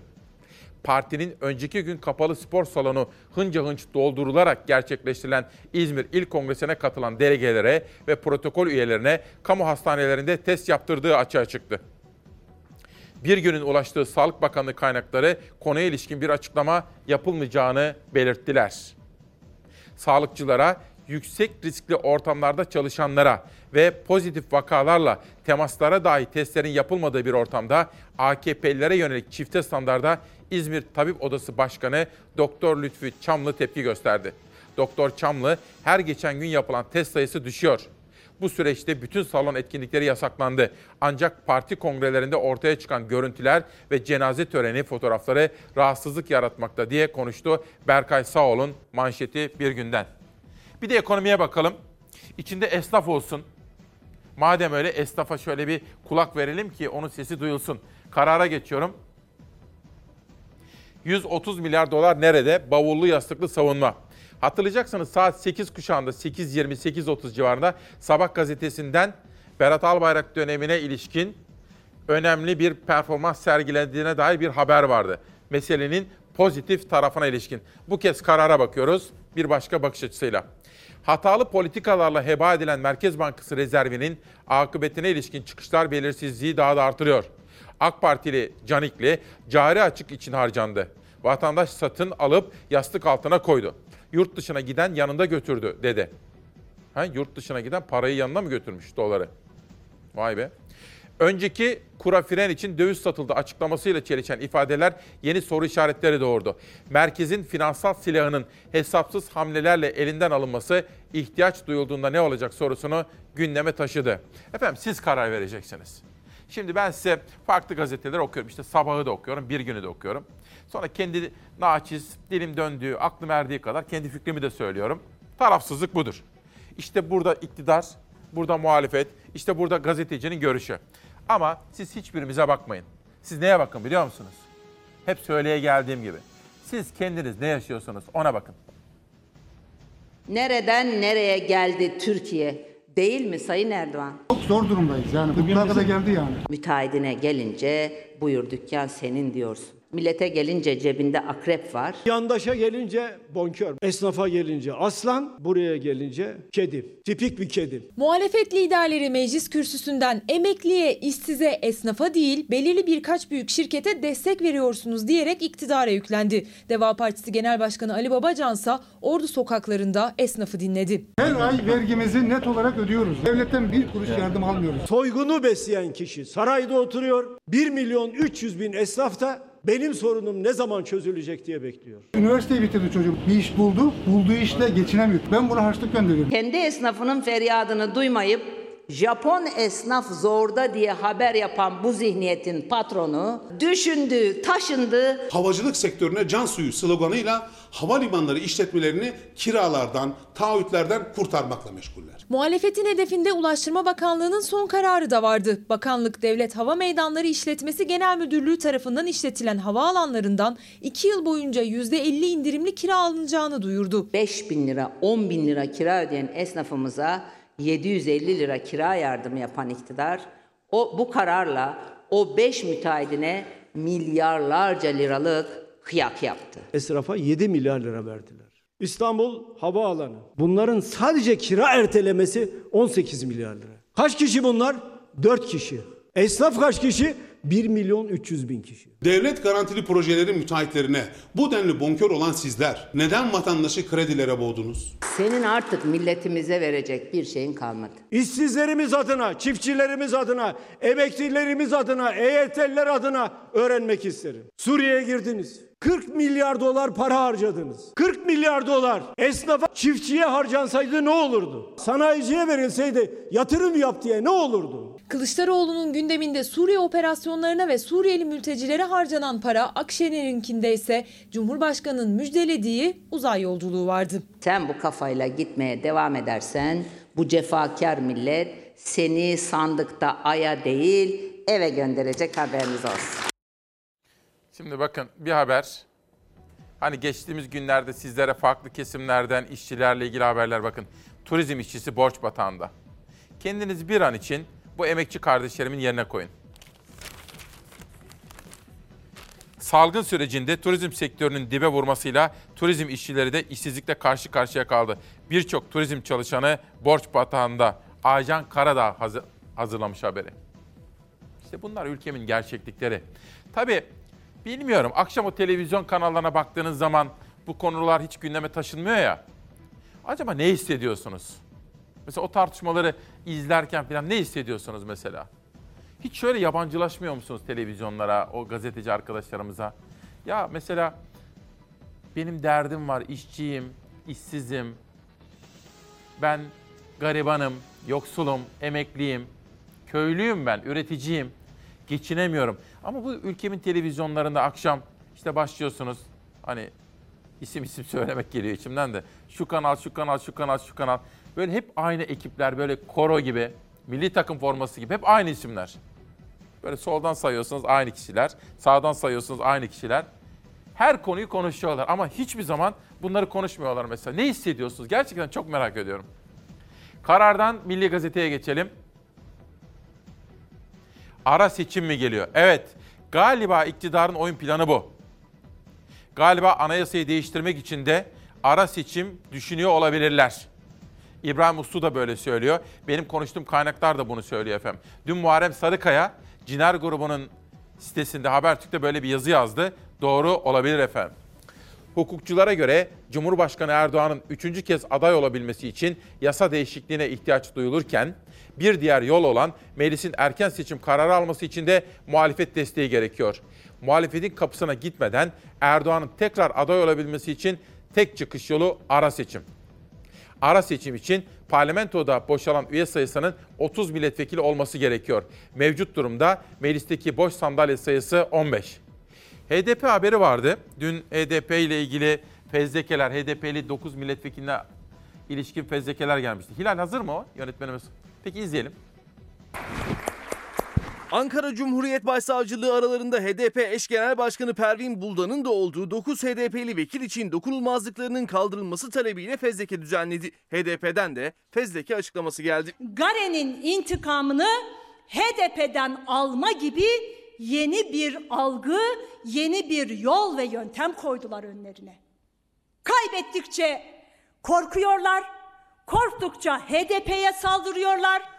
6-8 Ekim Kobani olayları soruşturması kapsamında Ankara Cumhuriyet Başsavcılığı HDP eş genel başkanı Pervin Buldan ve HDP milletvekilleri Fatma Kurtulan, Garo Paylan, Hüdakaya, Meral Danış Beştaş, Saruhan Uluç, Serpil Kemalbay Pek Gözegü, Sezai Temelli ve Pero Dündar hakkında fezleke hazırladı. Dokunulmazlıklarının kaldırılmalarını istedi. Fezlekeyi Türkiye Büyük Millet Meclisi'ne sunulmak üzere Adalet Bakanlığı'na gönderdi. Ve HDP'ye saldırdıkça aslında kaybettiklerinin farkında değiller. Elinizden geleni ardınıza koymayın. Bir milletvekili çok yakın bir zamanda gitti oralarda boy gösterdi. Ne zaman? Hangi gün gitmişim? Terör örgütü PKK'nın kontrolünde bulunan Gara'ya gittiği gerekçesiyle hakkında soruşturma başlatılan HDP'li vekil Dilan Taşdemir de HDP grup toplantısında konuşan Pervin Buldan'ın gündemindeydi. Buldan Taşdemir'in Gara'ya gitmediğini savundu. Göya HDP'li bir kadın milletvekili Gare'ye gitmiş, orada boy göstermiş, oradan talimat almış. Gerçekten pes doğrusu. Buradan açıkça söylüyorum. Bu kocaman, kuyruklu bir yalandır, kuyruklu bir yalandır. Bizim milletvekilimiz Gare'ye gitmemiştir, Gare'de bulunmamıştır. O tarihlerde de nerede olduğu bellidir zaten bu arkadaşımızın. HDP'li Buldan çözüm sürecine dair de açıklamalar yaptı. O süreç halklarımızın geleceği için fedakarca yürütülen bir süreçti. Bugün de olsa hiç tereddüt etmeden aynı fedakarlığı yapmaya devam edeceğimizi özellikle buradan bir kez daha ifade etmek istiyorum. Bu da bir Zafer Söken haberiydi. Dünün çok konuşulan temel konularından birisiydi. Peki biz hepimiz hak diyoruz değil mi? Hak, hukuk, adalet. Mesela yargı kararları, hakim teminat, hukukun üstünlüğü. Bir hakime hiç kimsenin talimat vermemesi, aracı göndermemesi, filanca bakanlığın, bakan yardımcısının, daire başkanının, filanca kişinin avukatlarının herhangi bir davayı takip etmemesi hakimlere oradan buradan giderek bir mesaj, bir bir tavsiye, bir telkin, bir yönlendirme yapmaması değil mi? Biz evrensel hukuk kuralları altında hukuk ne emrediyorsa onun yerine getirilmesini istiyoruz değil mi efendim? O nedenle diyorum ki iyi ki bu ülkede Anayasa Mahkemesi var.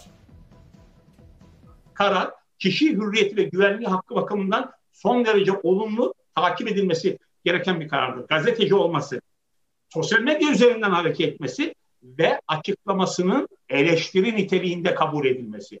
En azından Anayasa Mahkemesi'nin bakış açısı bu. Suç değil eleştiri dedi tutuklamayı haksız buldu. Anayasa Mahkemesi hükümetin yardım kampanyasını eleştiren gazeteci Hakan Aygün'ün tutuklanması nedeniyle 40 bin lira tazminat ödenmesine hükmetti. Hukukçulara göre karar basında ve sosyal medyada ifade özgürlüğü sınırlarını genişletebilir. Anayasa Mahkemesi diyor ki çok önemli olan şu.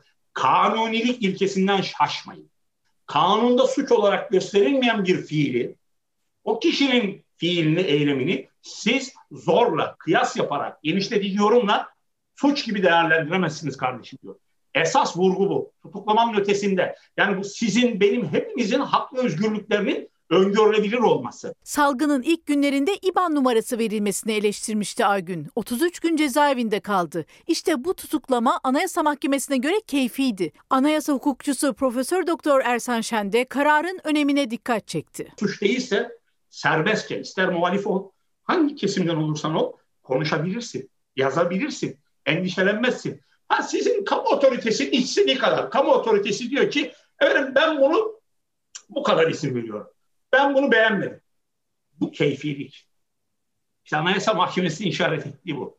Evet. Çifte standarda sebebiyet vermeyin ve kanunla bağlısınız. Profesör Ersan Şen'e göre karar Boğaziçi Üniversitesi eylemleri kapsamında ev hapsindeki gençleri de ilgilendiriyor. Evde hapsindeler şu anda. Onlar için de bir e, örnek olabilir mi acaba? Örnek muhakkak olur. Yazılan mektuptan dolayı bir soruşturma açıldı. Esasında içerine baktığımızda biz kanunilik ilkesi açısından suça konu olmadığını gördük. Boğaziçi'li öğrencilerde silah yoksa, saldırı yoksa, toplanmışlarsa, efendim bildirimsiz toplandınız, şu oldu değil. Anayasa Mahkemesi, İnsan Hakları Hukuku Mahkemesi de diyor ki bunlar suç değildir. Hukuk, sırtımızı yaslayacağımız temel kavram. Bir de Kuvayi Milliye ruhu. Şimdi bizim oraların yaşadıkları iki büyük savaş yaşamış. Kurtuluş Savaşı zamanı meydan savaşı. Söğüt'ten bahsediyorum, Bilecik'ten bahsediyorum, İnönü'den bahsediyorum. Biz düşman değiliz. Bilgen Ertekin kitabını yazmış, imzalamış ve bana göndermiş. Bu kitap önemli bir kitap efendim. Sizlere bir gün özet yapacağım bu kitaptan. Çünkü bu toprakları yurt belledik hepimiz. Kuvayi Milliye ruhuyla bütün farklılıklarımızı bir tarafa bırakarak emperyalistlerle savaştık. Yurdumuzu düşman işgalinden kurtardık. farklı etnik kesimler arasındaki ilişkiler. Biz düşman değiliz ki. Biz, biz bu toprakların öz sahipleriyiz hepimiz beraber. İşte bu kitaptan bir gün bahsedeceğim. Bu kitabı bir daha görelim. Biz düşman değiliz. Kuvayi Milliye ruhuyla yazılmış bir kitap efendim. Size bu kitaptan bir gün alıntılar yapacağım. Bugün ayrıca 13 kitaptan daha tanıtım yapacağım. Sıra geldi yerel gazetelere. Yerel gazeteleri de Savaş Yıldız'la birlikte seçtik. Konuğumla da yerel gazeteleri yine okumaya devam edeceğim. Çünkü tarımı konuşacağız kendisiyle. Haber Trak. Tekirdağ zehir soluyor. Dünyanın hava kirliliği gerçek zamanlı hava kalitesi endeksi. Başta Trakya'mız olmak üzere hava kirliliği İstanbul dahil de olacak. İstanbul'da da dahil. Türkiye'de hava kirliliği sorunu artmaya başladı. Batman'a geçiyorum. Normalleşmeye adım adım diyor. Batman'da vaka sayısı 12 bin 12.49'dan 8.71'e düştü. Normalleşmeye adım adım. Batmanlı kardeşlerimi kurallara uymaya başladıkları, maske taktıkları için kutluyor ve teşekkür ediyorum kendilerine. İzmir'e geldiğim zaman otizm ertelenemez.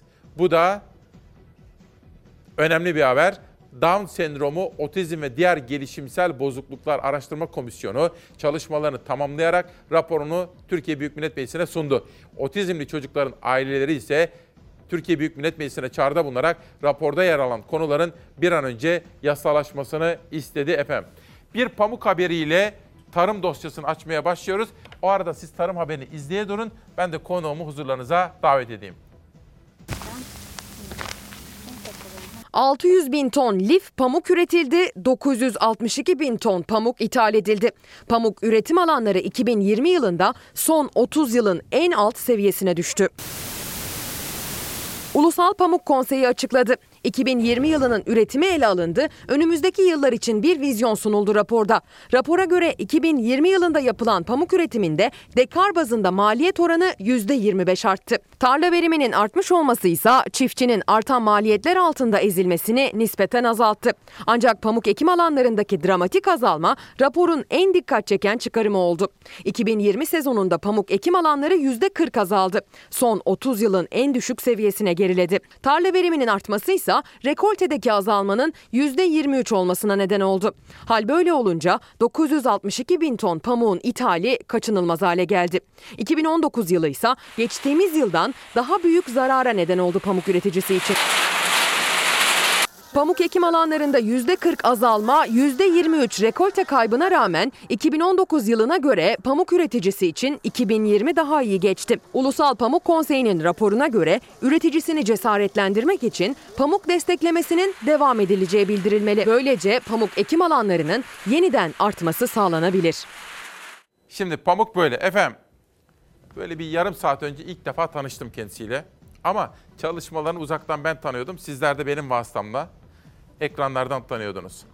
Arkadaşlarımdan rica etmiştim. Editörüm Zeray Kınacı kontak kurdu kendisiyle. Orhan Sarıbal. Neden dikkatimizi çekti? Çünkü ne zaman baksak o bir tarlada, köylümüzün, üreticimizin yanında, bahçede ve bizler için çalışıyor. Gündeme getirmeye çalışıyor. Ya dedim merak ediyorum bir davet edebilir miyiz? Hoş geldiniz. Çok teşekkür ediyorum. Çok Hoş memnun bulduk. oldum tanıştığımıza. Ben de çok sağ olun. Nasılsınız? Çok teşekkür ediyorum. İyiyim ama şunu söyleyeyim. Ben bir çiftçiyim. Bursa'dan geldiniz. Elbette. Şimdi birazcık tanıyabilir miyiz sizi efendim? Ee, teşekkür ederim. Ben e, Ankara Üniversitesi Ziraat Fakültesi mezunuyum. Ama hem aile geçmişim, ben ve çocuklarım tarımla uğraşan bir aileyiz. Ee, Ziraat Mühendisleri Odası, ziraat odaları, tarımla ilgili ne kadar alan varsa oralarda mücadele ettik, yaşamımızı sürdürmeye çalışıyoruz. Ee, daha sonra 2015 yılında Bursa'da ön seçime girdik. Ön seçimden milletvekili sıralamasında seçilebilecek noktaya geldik. 2015'te 7 Haziran'ından bugüne kadar Cumhuriyet Halk Partisi'nde Bursa Milletvekili Parti Meclisi üyesi olarak görev yapıyorum. Şu anda aynı zamanda genel başkanımıza tarımla ilgili başdanışmanlık görevimi sürdürüyorum. Güzel. Ben tabii dün akşam biraz böyle bakarken hani Bursalısınız ama Bursa aynı zamanda bir göçmen memleketi. İşte suyun öteki yakasından kimimiz Yunanistan'dan, Bulgaristan'dan, işte Bosna'dan geliyoruz suyun öteki yakasından. Baktım siz bir Erzincan da var sizin aile hikayesinde. Elbette biz e, 38-39 Erzincan'dan Bursa'ya gelen bir aileyiz. Fakat çok enteresan bir hikayemiz var. 45 yılında tekrar dedem geri gitmiş. Erzincan'a. Evet, e, enteresan. Hep doğudan batıya gelinir ekonomik nedenlerle ya da başka nedenlerle. Ama 45'te dedem batıdaki yaşanan zorluklar, yoksulluklar nedeniyle Erzincan'a tekrar gitmiş. Devlet o zaman bir olana kaçmış, tekrar geri gitmiş. Daha sonra biz 70 yılında tekrar Bursa'ya bu defa kalıcı olarak geldik. Şimdi ben aslında Fahri Eğinliyim. Bizim izleyenlerimiz bilir. Şöyle işte Tunca Özkan olsun, Hasan Basri Aktan Maliye Bakanı'nın efsane müsteşarıdır. Çok sevdiğim, dürüst de bir insandır. İşte onlar olsun. Hatta orada Doğu Perinçek'le falan da tanıştım. İsmail vardı bizim Sanayi Bakanlığı'nda. Ben 8 yıl üst üste yaz aylarında Eğin'e gittim. Oradaki festivallere falan katıldım. Konuşmalar falan yaptım. O bölgeyi de çok severim. Şimdi sizinle ilgili röportajlara başlayacağız. Yönetmenim Hilal'den rica etsem. Önce parlamenterimizin mecliste yaptığı bir konuşma var. Tarım dosyasını açıyoruz. Tarımın ya da bu ülkenin temel sorunu iktidardır.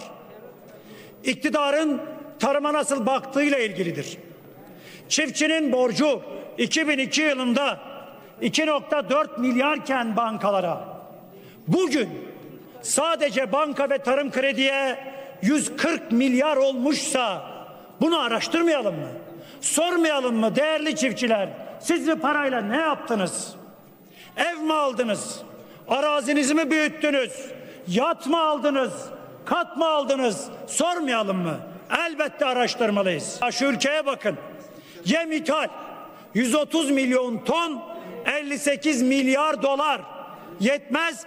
8,5 milyon büyükbaş küçükbaş canlı hayvan 302 bin ton kırmızı et 8.8 milyar dolar toplam 77-70 milyar dolara yakın hayvancılığa para. E, öbür taraftan bakıyorsunuz et ithal, canlı hayvan ithal, yem ithal, yerli ve milli tarım politikası. İşte AKP'nin yerli ve milli hikayesi. Destekleme bir tarım politikası üzerine yapılır. Bir planlama üzerine yapılır.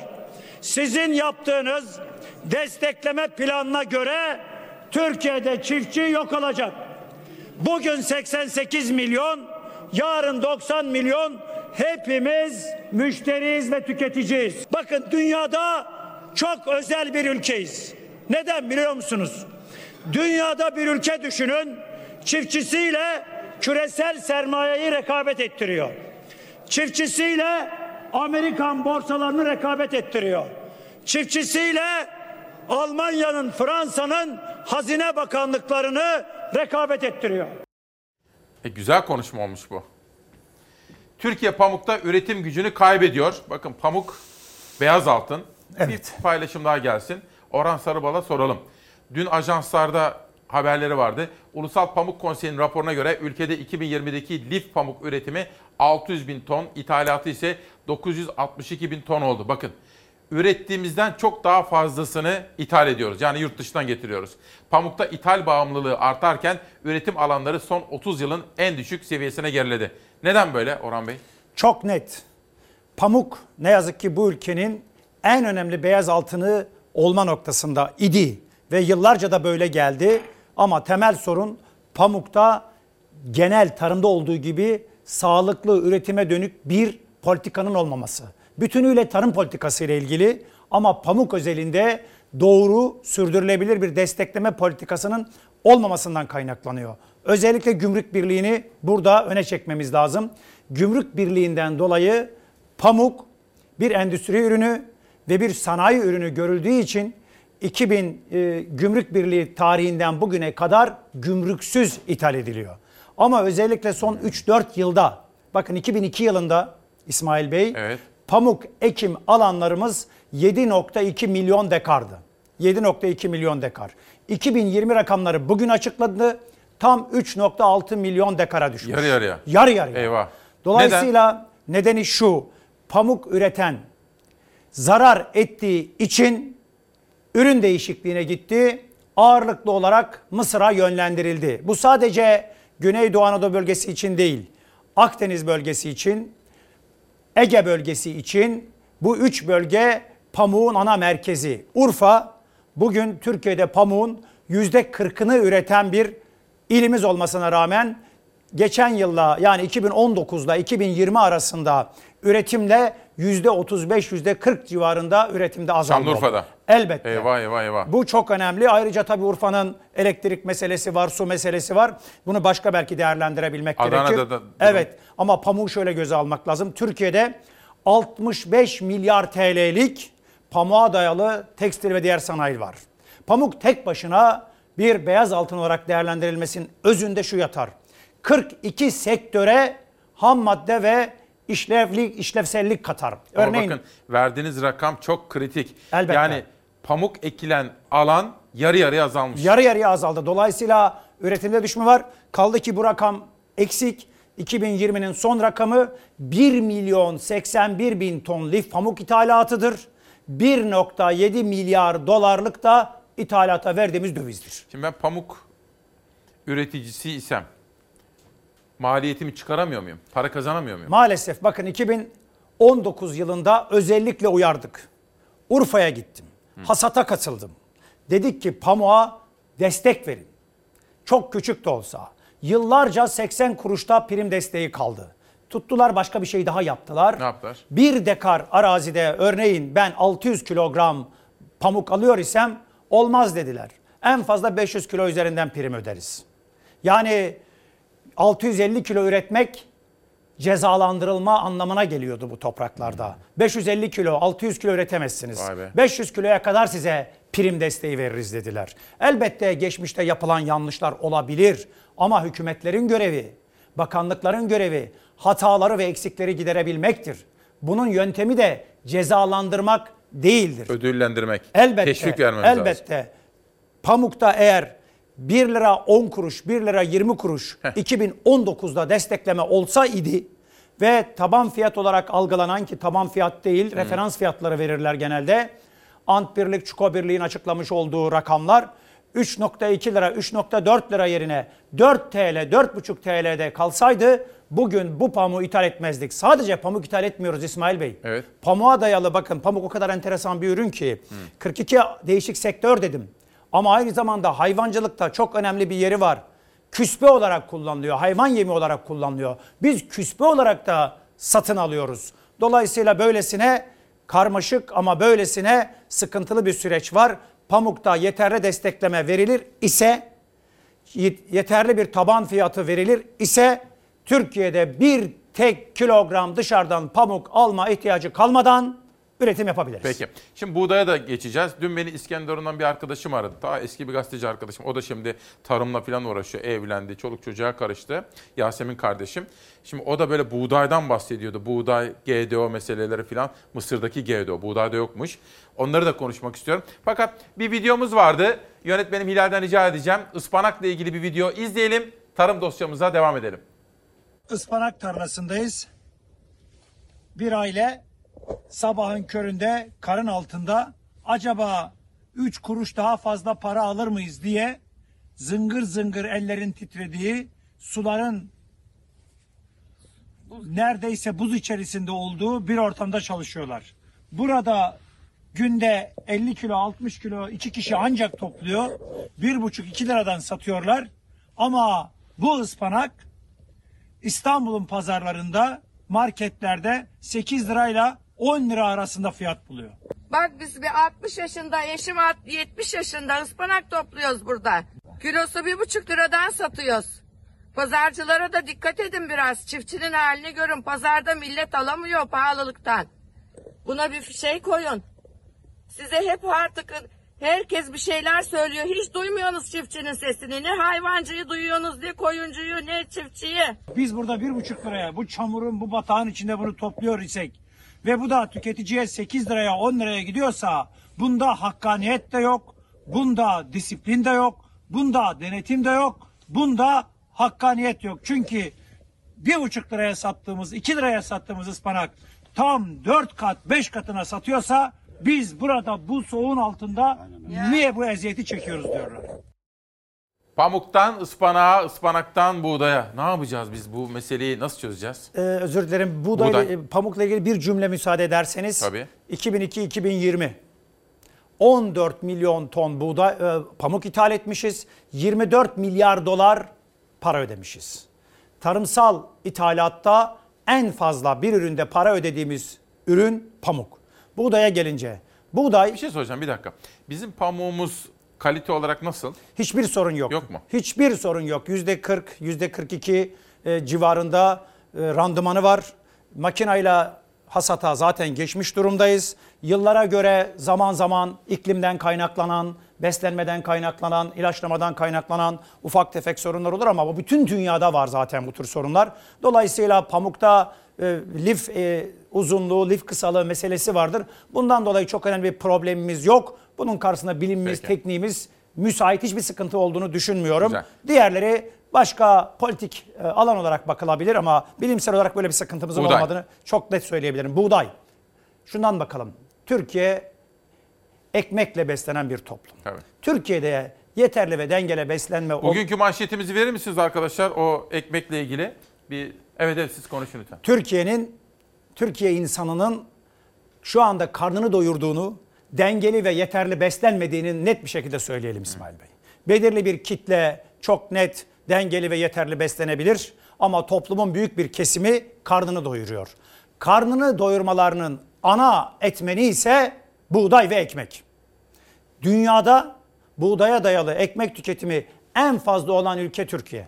Kişi başına 150 kilogram civarında buğday ya da ekmek düşmektedir. Dolayısıyla ekmek en önemli maddemiz. Sene 1980. 44 milyon nüfusumuz var. 19 milyon ton buğday üretiyoruz. Sene 2020'nin sonu. 90 milyon insanız her gün bu topraklarda. 20 milyon ton buğday üretiyoruz. Sene 2002 93 milyon dönüm buğday ekim alanımız var. Sene 2020'nin sonu 69 milyon dönüm buğday alanımız. Eyvah, orada da 24 azalmış. milyon dönüm buğday alanımız düşmüş. Ne oldu? Verim elbette çiftçi üretemediği için, ürettiğinden para kazanamadığı için toprağını terk ediyor. Eyvah. Çok net. Üretici para kazanmadığı sürece İsmail Bey siz tarımda sürdürülebilirliği sağlayamazsınız. Buğdaydan kazanmıyor muyuz? Elbette kazanıyoruz. Neden? Bir anlatın bize. Çok net. Türkiye'de iki tür buğday üretim modeli var. Bir tanesi sulu tarım, diğeri kuru tarım. Bugün kuru tarımda 150 ile 300-350 kilograma kadar verim alırsınız bir dekardan. Tamam. Sulanabilir yerlerde bölgeye göre değişmekle beraber 500 kilogramla 1000 kilogram arasında buğday alırsınız. Konya'da, Ova'da. Konya'da sulanabilin yerlerde 700-800 kiloya kadar çıkar. Kuruda 300-400 kiloya kadar çıkar. Şimdi bakanlık şunu yapıyor.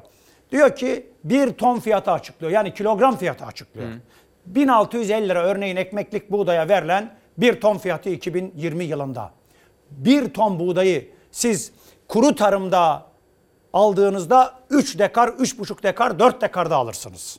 4 dönüme 1000 1650 lira. Öbür tarafta Adana'da ya da öngördüğünüz gibi Konya'da. Konya'da bir dönüme 1650 lira veriyorsunuz. Eğer siz Adana'daki 1000, 1000, 1000 kilogram alan çiftçiye de Karaman'daki 1000 kilogram bölü dekardan buğday alan çiftçiyle Konya'da, Trakya'da, İç Anadolu'nun yüksek noktalarında dekardan 150 kilo, 200 kilo buğday alana aynı desteği, aynı uygulamayı yaparsanız oradan hiçbir sonuç alamazsınız. Kaldı ki mazot fiyatı 1'e 5 artmış. Gübre tarihin rekorunu kırıyor. Kimsenin öngörmediği bir fiyat artışıyla devam ediyor. Bunun birçok nedeni var elbette. Yani maliyetler arttı. Maliyetler çok yüksek. Siz bu maliyetlere göre bakın çiftçinin bir maliyeti var. Bir de yaşam payı var. Çiftçi insan. Belki de hiç konuşulmayan. Çiftçi bugün Türkiye'de en düşük gelir olan kesim. 8 bin dolar bölü kişi milli gelirimiz var. Çiftçinin geliri 2500 dolar. Oysa gelişmiş ülkelerde durum böyle. Buğdaydaki mesele çok açık ve çok net söylememiz gerekir ki tamamen uygulanan yanlış tarım politikası ve desteklemenin hakkaniyetle yapılması bak yapılmamasıdır. Bir cümle dünyada en tehlikeli ve adaletsizlik eşitlikten kaynaklanır. Eşitlik budur. Siz eğer Adana'daki üreticiyle Konya'nın Kıracı'ndaki üreticiye aynı desteği verirseniz o eşitlik en büyük eşitsizlik. Dolayısıyla aradığımız şey eşitlik değil, adalet. Adalet. Peki bir reklamlardan sonra devam edelim. Değerli izleyenler bakın bu konuyu ben sizlere 8 yıldır gündeme getirmeye çalışıyorum değil mi? Türkiye'de temel başucu eserlerden birisidir. Faydalandığımız, bilgilendiğimiz eserlerden biri. Türkiye'de tarımın ekonomi politiği 1923 yani Cumhuriyetimizin kurulduğu günden 2013'e kadar aslında bunun 2020'sine kadar da sürdürmek lazım. Evet, kesinlikle. Editörü Doktor Necdet Oral. Bu arada efendim bana imzalı bir kitabı geldi. Türkiye'nin yetiştirdiği büyük bir bilim insanıdır. Büyük bir Atatürkçüdür. Benim gözümde Nobel Bilim Ödülü alması gereken bir insandır. Profesör Doktor Mehmet Haberal'ın Seyir Defteri Feyyaz Artukluoğlu. İki ciltlik bu çalışmanın ilk cildi bugün itibariyle elime geçti. Bu ve, ve bu vasıtayla başkentimize de Ankara'mıza da Haberal hocamıza da selam söyleyelim. Reklamlardan sonra ekmek haberiyle başlayacağım. Ekmeğin partisi olur mu diye soracağım. Oradan pamuk, buğday, ıspanak, bütün ürün fındığı da konuşmak istiyorum. Elbette. Fındık. Reklamlardan sonra devam. Efendim günaydın. 24 Şubat 2021 Çarşamba sabahında İsmail Küçükkaya ile Tarım Meydanı'ndasınız. Çok beğeniliyor açıklamalarınız. Bizim reji hepsi sesçisinden KJ operatörüne hepsi yönetmenimizden, teknik yönetmenimiz. Bir büyüğüm, farklı kesimlerden, AK Partilerden bir eleştiri var onu da soracağım size. Şu andan itibaren Savaş Yıldız kardeşim yönetmen koltuğunda ve bir görsel geliyor. Ekmeğin partisi olur mu? Nereden yola çıktık efendim bakın. Dün akşam Fox'un ana haberinde Gülşah'ın mikrofon uzattığı bir büyüğümüz, bir vatandaşımız İstanbul Halk Ekmek'ten ekmek almıştı. Gülşah da ona sormuştu.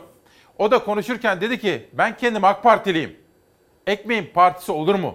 Sağı solu olur mu? Ekmek ekmektir demişti. Ben dün aslında erken saatlerde Nihal Kemaloğlu ile gündemi çalışmıştık. Manşetimiz farklıydı. Etiketimiz farklıydı. Fakat sonra editörüme dedim ki Zera'ya akışı biraz şöyle yapalım. Ve bu ekmek haberini de sizlere izleteceğim. Ama önce bir de Karadeniz haberi vardı efendim. Gelsin savaş. Şimdi 3. tur gazetelerde Korkusuz gazetesiyle başlayacağım. Orhan Sarıbala'da tarımla ilgili soruları sormaya devam edeceğim. Bir de esnaf haberi var. Sağlık Bakanı Koca milleti böyle uyarıyor ama kurallara kendisi uymuyor. Kendileri uymuyor. Kalabalığa girmeyelim, sosyal mesafeye dikkat edelim. Cenaze ve nikahta 30 kişiyi geçmiyoruz. Bakın bu sözleri söyleyen kişi hepimizin en baştan itibaren inandığı, inanmak istediği, sizlerin de inanmasını tavsiye ettiğimiz çünkü çok çalışan sağlık ordusu adına bizlere bilgi veriyordu. Ama bu fotoğrafla söyledikleri arasında bir çelişki var mı yok mu? Önceki gün Samsun'dan 19 Mayıs Üniversitesi'nden bir profesörümüz Uzun Hoca buradaydı. Demokrasi Meydanı'nda. Dün de Karadeniz Teknik Üniversitesi'nden bir hocamız Profesör Aydın yine buradaydı. Zafer Söken ikisinin yaptığı uyarılardan yola çıkarak Karadeniz'e dikkat çekmiyor. Karadeniz mutantı bilemiyorum bize az bir mutant mı ama Karadeniz e, Türkiye'den ayrışıyor. Maalesef olumsuz yönde ayrışıyor. Karadeniz tipi bir virüs ya da Karadeniz mutantı söz konusu olabilir mi? Burada ya uyum sorunu var ya virüs bir şey kazandı. Uzmanlar Karadeniz mutasyonu var mı sorusuna temkinli yaklaşıyor. Ancak vaka sayılarının yoğun olmasının mutasyon endişelerini artırdığını söylüyorlar. Bilim insanlarının mutasyon için analizleri sürerken Karadeniz için özel önlem gerek diyorlar. Virüslerimizi topluyoruz, izole ediyoruz. Gen sekanslarını yapacağız. E, yaptıktan sonra tabii elimizde e, herhangi bir değişimin, e, bir genetik değişimin var Peki. olup olmadığını gördük. Gördükten sonra daha doğru e, sonuçlar konuşacağız. O zaman Ama Karadeniz'de bir şey var. Önlemlerin de e, yöresel bazda da farklılıklar göstermesi gerekiyor. Sağlık Bakanlığı tarafından açıklanan haftalık il bazlı vaka yoğunluğu haritasında Doğu Karadeniz illeri dikkat çekti. İki haftalık süreçte Ordu, Giresun, Trabzon, Samsun ve Rize vaka yoğunluğunda başı çekti. En yüksek vakalar e, 100 bin nüfus üzerinden baktığımızda işte Rize'den başlıyor. Rize, Trabzon, Giresun, Ordu, Samsun diye geliyor. İsmail Küçükkaya ile Çalar Saat Karadeniz'de artan vaka sayılarını uzmanlara sordu. Uzmanlar Karadeniz'de normalleşme için çok erken olduğunu söyledi. Bölgemizde e, normalleşmeye geçmemiz durumunda e, daha büyük sıkıntılar yaşanabilir. Bugün gördüğümüz zarar bir ise Eğer bunların analizi doğru yapılmadan, önlemler alınmadan normalleşmeye dönmemiz durumunda zararımız 10 belki de 50-100 olacak. O yüzden diyorum ki e, mutlaka bu sayıları Türkiye'nin ortalamasına getirmemiz gerekiyor. Karadeniz'de normalleşme bir yana tam kapanma istedi uzmanlar. 15 günlük hatta 3 haftalık bir kapanma yapmak gerekiyor. Karadeniz'deki vaka sayıları kontrol edilmezse virüs yoğunluğu tüm Türkiye'ye sıçrayabilir. Eğer önlem almaz isek bu bütün Türkiye'yi etkilemez mi? E, etkileyeceğini be- bekliyoruz. Buradan hastalık Türkiye'nin geneline yayılabilir ve alacağımız tüm önlemleri sabote edebilir. O nedenle ben e, Karadeniz bölgesi için işte kapanma öneriyorum. Evet Zafer Söken böyle bir dosya çalışması yaparak Karadeniz'de yaşanan olağanüstü gelişmeye dikkat çekmek istedi efendim. Orhan Bey şimdi en önemli meselemiz ekmek. Bir kere bunu bir kaldıralım yönetmenimden rica edeceğim. Şu ekmekle ilgili görsel bir daha gelsin. Ekmeği konuşmak istiyorum. Şimdi biz şöyle yapıyoruz bakın her gün etiket koyuyoruz. Ekmeğin partisi olur mu? Ben size Erzincan kökenli ama Bursa'da doğup büyümüş birisi, Bursa milletvekili yapmış, çiftçilikle uğraşan birisi olarak soruyorum. Ekmeğin partisi olur mu? Ekmeğin partisi olmaz. Ekmek insanoğlunun özellikle Türkiye Cumhuriyeti vatandaşları açısından karnını doyurduğu ve bir ülkenin, bir devletin insanına, vatandaşına karnını doyurmayı bir hak olarak insanın talep ettiği, devletlerin, hükümetlerin de insanın karnını doyurma konusunda olmazsa olmaz anayasal görev ve sorumluluklarıdır. Dolayısıyla ekmeğin partisi olmaz. Ekmek bir insanlık meselesidir. Aynen Aşık Veysel'in söylediği gibi bu dava insanlık davasıdır. Karın tokluğu davasıdır. Paranızın olması, olmaması, hangi ideolojiyi savunup savunmadığınız, hangi inanç grubundan olup olmadığınız, hangi kimliğe ait olup olmadığınızın hiç önemi yoktur. Asıl olan insandır, asıl olan insan hakkıdır. Bakın insan hakkının en önemli olduğu alan nedir? Yaşam hakkı. Yaşam hakkını neyle sürdürürsünüz İsmail Bey? Elbette önce hava, su ve gıda. Siz kaç kardeştiniz çocukken? 8. Yaşayan Sekiz. 8'iz. Evet. Öyle mi? 8 Evet. kardeş. Evet. 11 Ay- doğum, 8 yaşayandı. Bir abimizi kaybettik. Allah rahmet 7 eylesin. kardeş yaşıyoruz. Anne baba? Annem de vefat, an- babam da e, vefat etti. Allah rahmet eylesin. Sabır diliyorum efendim. Na- Teşekkür ben niye ederim. sordum biliyor musun? Sizi dinlerken ve ben ben bu ekmek meselesine çok hassasım. Çünkü mesela ben liseye giderken diyelim ya da ortaokula giderken babam benim çorba salonunda Simav'da çalışırdı. Aşçılık yapardı. Ben onun yanına giderdim. Böyle bir tas mercimek çorbası yarım ekmekle karnımı doyurdum. Geldim üniversiteye. Atatürk Öğrenci Yurdu'nda kaldım Ankara'da, Cebeci'de. Bu hastanenin, Ankara Hastanesi'nin karşısında. Orada da yine yarım ekmekle kuru fasulye karnımızı doyurduk. Yani vatandaşımızın hali bu. Savaş, ekmek haber hazır mı? Yönetmenime sorayım, izleyelim, devam edelim. Oğlum bir senedir işsiz yatıyordu. İşler iyi gitmedi. Adamlar çıkarttı bir senedir bulamadı. Kalk o ekmeği iki al ben günde beş ekmek alıyorum. 10 milyon. İdare eder mi? Fırıncılar kızıyor bu işe. E, fırıncılar kızıyor da onların geliri bizim gelirimiz yok. Ne yapalım? E, Kim gelir şuraya? Daha dibinde fırın var. Sıcacık alamaz mıyım ben? Ne yapalım? Yok.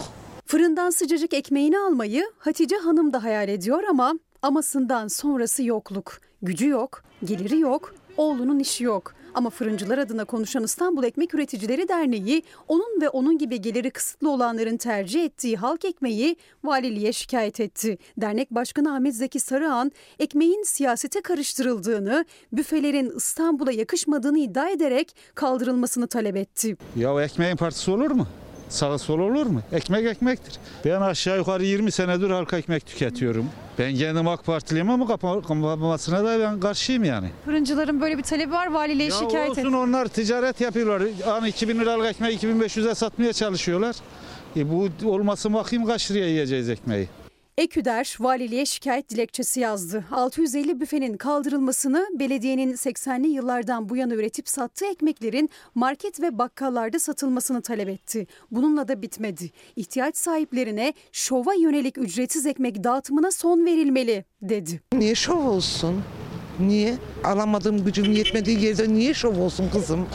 Ki o benim yani hani ihtiyacım, yiyeceğim. Şov diye bir şey yok yani. İstanbul Büyükşehir Belediyesi de Ekmek Üreticileri Derneği'nin iddialarına başlık başlık yanıt verdi. Ekmeğin hijyen kurallarına aykırı şekilde ve ücretsiz dağıtılmadığını, sosyal yardım kartlarıyla verildiğini söyledi. Ama asıl yanıt yardımlarla geçinen o ihtiyaç sahiplerinden geldi. Bizim gibi şey, durum olmayanlar buradan alabiliyor. Ben de yardımlarla geçiniyorum. Eşimden ayrıyım. O zaman fırıncılar gitsinler. Benim gibi mağdur insanları şu anda 10 tane nüfusum var. Çalışmıyorum. O zaman takip etsinler. Ekmek bıraksınlar. Ben de isterim ki benim mahalleme de büfe kurulsun diye. Bayağı bir yürüme yolumuz var. Evinin hemen yanındaki fırından ekmek almak yerine evinden uzaktaki halk ekmek büfesine yürüyerek gelmek zorundalar. Çünkü özellikle salgında gelir kaybı yaşıyorlar. Sancaktepe'de saat 14.30'da bir halk ekmek büfesinin önündeyiz ve işte o 1 liralık ekmeklere yine rağbet var ve kuyrukta bekleyenlerse yine dar gelirliler. Olanaklar kısıtlı da ondan tercih ediyoruz. Yani yetersiz oluyor. Maaşımız yetersiz. Evet efendim bu arada bir son dakika gelişmesi öğretmenlerimizin aşılanması başladı. Bugün itibariyle ilk olarak Milli Eğitim Bakanı Ziya Selçuk aşısını yaptırdı. Ajanslardan görüntü yok mu arkadaşlar? Şöyle bir verelim. Tekrar etmek istiyorum son dakika. Evet. İhlas Haber Ajansı'ndan görüyoruz şu anda. Öğretmenlerimizin aşılanma süreci başladı. İlk doz aşılarını bugünden itibaren alıyorlar. Dün Cumhurbaşkanı Erdoğan da bir an evvel yüz yüze eğitime geçmek için sabırsızlandıklarını ifade etmişti. Ve başta Milli Eğitim Bakanı Ziya Selçuk olmak üzere öğretmenlerin aşılanma süreci de başladı. Arkadaşlarım gelişmeleri takip ediyor. Ve gelen yorumlara bakalım. Özge Şahin. Orhan Bey'e selamlar. Bursa için ve Bursa Tarım Fuarı için kendisiyle tanışmıştık. Değerli çalışmalarını takip ediyoruz derken Osman Ece, Orhan Bey Mardin'e de gelmişti. Her yere gitmişsiniz. Şanlıurfa, Mardin. Çiftçimizin halini lütfen anlatsın. TEDAŞ'tan neler çektiğimizi lütfen anlatsın diyor efendim. Savaş bir Adana'ya gidelim. Adana'ya gidelim mi? Elbette. Adana'ya gidelim sonra tarım dosyamızı açmaya devam edelim. İnsanlara bakıyorum ya karnabaharın yaprağını topladı kadın ya. Ne yapacaksın teyze dedim yemek yapacağım dedi. İnan çok üzüldü. Adana'da bir semt pazarı eskiden en yoğun olduğu saatlerde pazar neredeyse boş. Üretimde artan maliyet birçok üründe fiyatları yükseltirken özellikle patates üreticisinin çürümesin diye zararına sattığı patatesler üretimde endişeleri artırıyor. Üretici dert yanıyor, gübreyi çok pahalıya alıyorum diyor. Çünkü %100 zam geldi. Maliyetler arttı, bakım masrafları arttı. CHP Adana Milletvekili Ayhan Barut üreticilerin derdini dinledi, semt pazarının nabzını tuttu. Yurttaşlarımızın temel ihtiyaçlarını karşılayan, mutfak ihtiyaçlarını karşılayacak olan bir pazar yerindeyiz. Pandemiden dolayı gerek, gerekse de en fazla ekonomiden dolayı çok fazla e, kalabalık değil. Bu vatandaşlar fiyat pahalılığından dolayı e, çok alışveriş yapamıyorlar. Çünkü gıda ve meyve fiyatları cep yakmaya devam ediyor. Pazarcılar pazar boş diyor. Akşam saati fiyatların az da olsa düşmesini bekliyor vatandaş. Bahçede 3 lira olan portakal tezgahta 5 lira. Pazarcılar eskisi gibi satış yapamadığından fiyatların yüksek olduğundan yakınıyor. Vatandaşın artık daha az satın aldığını söylüyorlar. Ya vatandaş eskisinden oradan çok az alıyor. Eskiden 5 kilo aldı portakal şu an 1 kilo alıyor. 2 kilo alıyor. Yani şu an 1 kilo portakal 5 TL, 2 kilo 10 TL. Patates üreticisinin yaşadığı çıkmaz Adana'da pazar yerinde de net görüldü.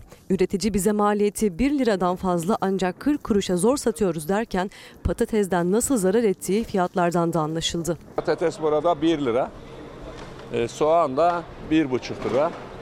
E, tabii bu 1 lira demesi üretimde planlamanın olmadığını gösteriyor. Yani e, neden 10 liraydı şimdi neden 1 lira?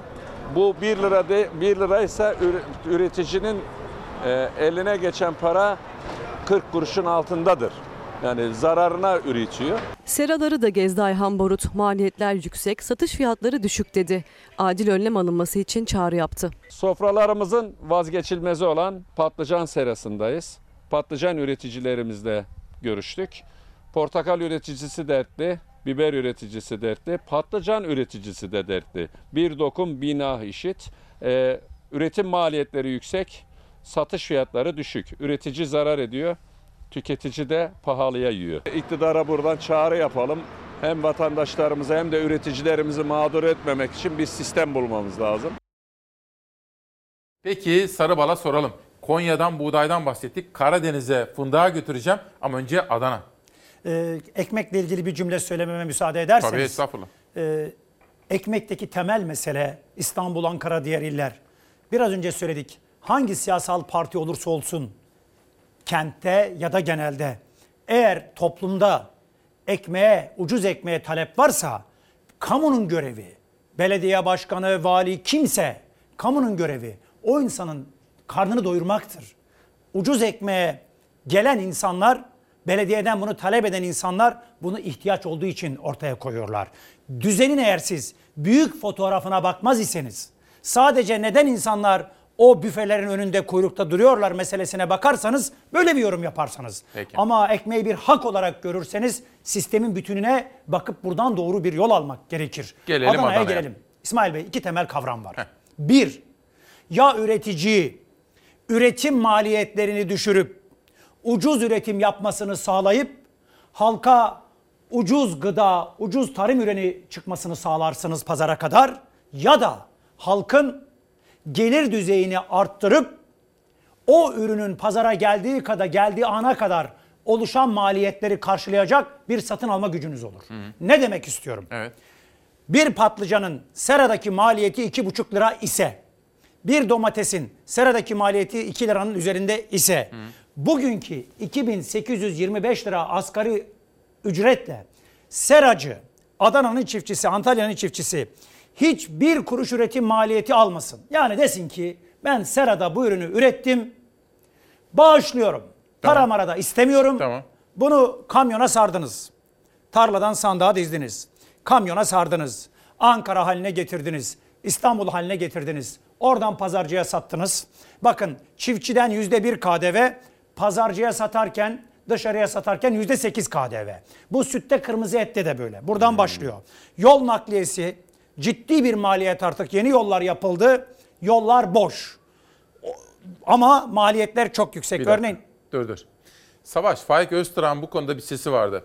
Geçenlerde bizim ana haberde de vardı Orhan Bey. Bakın şimdi yollar yapıldı ya yapanlardan Allah razı olsun.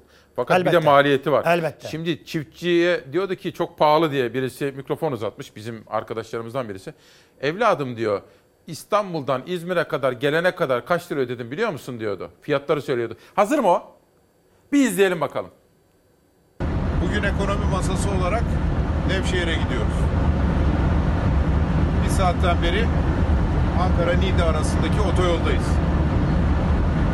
Yolda kamyon görmek çok zor, tır görmek çok zor, otobüs görmek çok zor.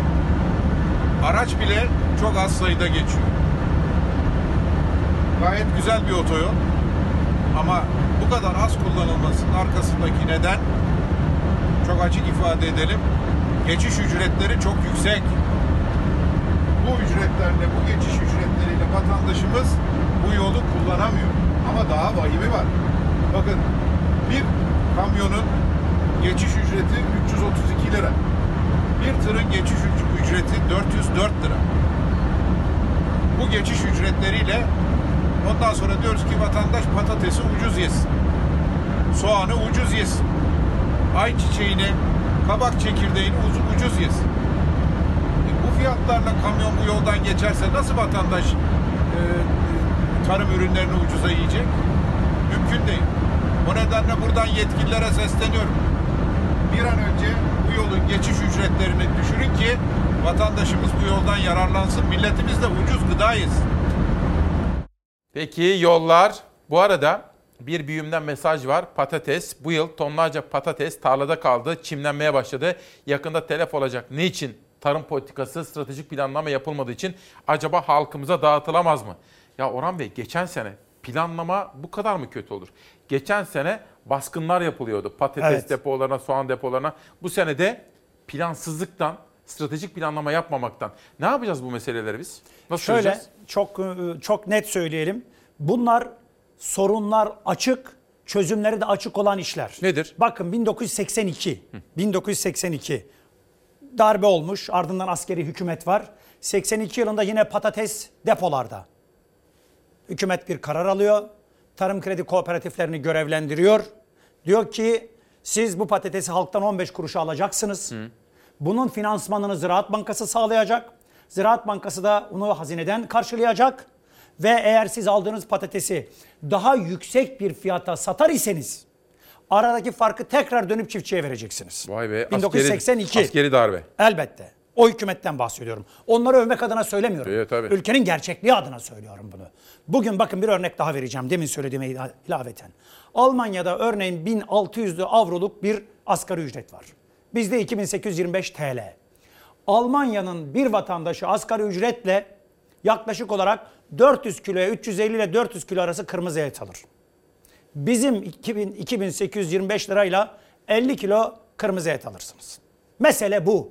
Ya üreticinin fiyatını düşüreceksiniz ya insanların gelir düzeyini arttıracaksınız. Çözüm elbette planlama. 2017'yi hatırlamamız gerekiyor patates ve soğan üzerinden. 2017'de İsmail Bey 10 kilo soğan 2 liraydı. 8 kilo patates 2 liraydı. Yalvardık, söyledik, anlattık, meclisteydik. Mecliste onlarca, yüzlerce basın açıklaması yapmış biriyim ben. Sürekli tarımın ne kadar önemli olduğunu anlatmak için.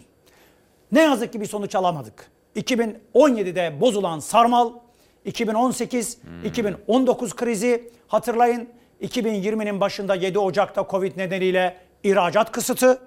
İhracat kısıtıyla beraber ardından depolarda çürümeler yine bugünkü gibi gerçekleşti. Ne yazık ki oysa bir sorun vardı. Biz bunu ihraç ediyorduk. İhracat yapmamız gerekiyordu. İhracatı siz birden kestiğinizde durum bu. Öbür taraftan ne yaptınız? Şöyle sorayım mı? Şimdi geçtiğimiz günlerde bir hafta önce Cumhurbaşkanı Erdoğan tarımla ilgili yaptıklarından bahsediyordu. O toplantıda da böyle karşısında bakanlar vardı maskeli. Tarım Bakanı da böyle böyle sallıyordu başını. Cumhurbaşkanını tasdik ediyordu. Tabii ki 18-19 yıldır bir iktidar. Onlar da yaptıklarını anlatacaklar. İşte şu kadar destek verdik, böyle yaptık, böyle yaptık diye.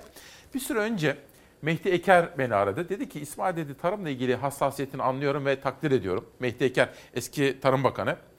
Fakat dedi söylediklerinizde doğruluk payı olmakla birlikte özellikle şöyle bir mantık hatası da var dedi. Türkiye bazı tarım ürünlerini yurt dışından getiriyor ama bunları işliyor, mamul haline getiriyor, tekrar ihraç ediyor dedi. Bu yoruma eleştiriye katılır mısınız? Elbette çok teşekkür ediyorum. Şöyle açıklayalım. Evet. Bu önemli bir konu. Önemli konu. Çünkü en çok e, toplumun anlaması gereken ve insanların kafasında karışıklık yaratan durum bu. Doğrusu neyse o. Elbette Söyleyelim. biz ihracatın hiçbir tek kilogramını ve kuruşuna itiraz edemeyiz. Böyle bir şey yok. Zaten üreterek, satarak biz ancak bu ülkeyi ayağa kaldırabileceğiz. Önce kendi insanımızın gıda hakkını, gıda egemenliğini sağlayacağız. Gıda güvenliğini sağlayacağız. Sonra da ülkemizin, toprağımızın, güneşimizin ve çiftçimizin emeği olan fazla üretimi de ihraç edeceğiz.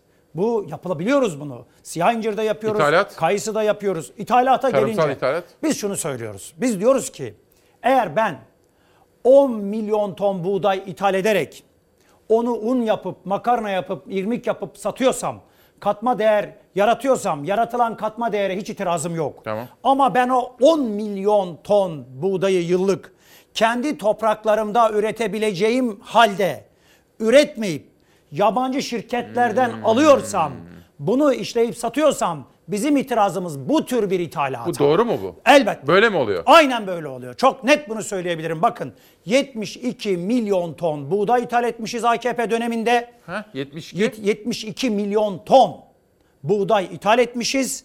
Buna karşılık 18 milyar dolar ithalat için döviz ödemişiz. Buğdaya mı? Elbette sade Çok buğday. para ya. Bunun- Peki, peki pamukta sorduğum gibi sorayım.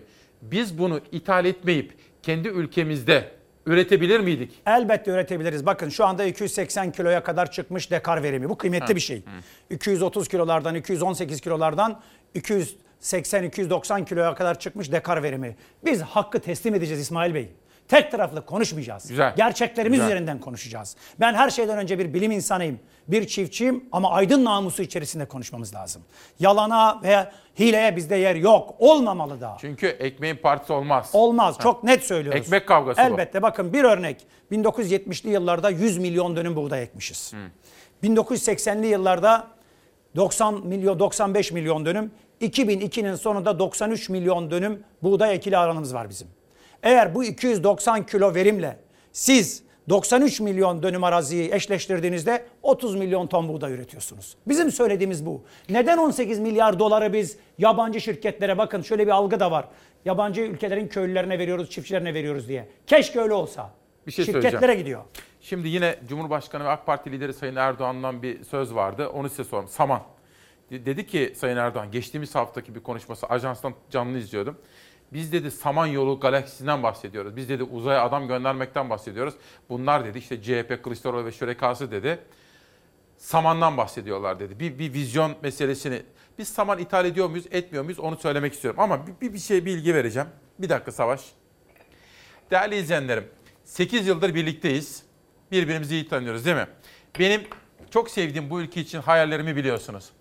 Bir, Antalya'ya, Fethiye'ye, Alanya'ya, Marmaris'e gittiğiniz zaman, yabancıları gördüğünüz zaman sohbet ediyorsanız şunu duyuyorsunuz.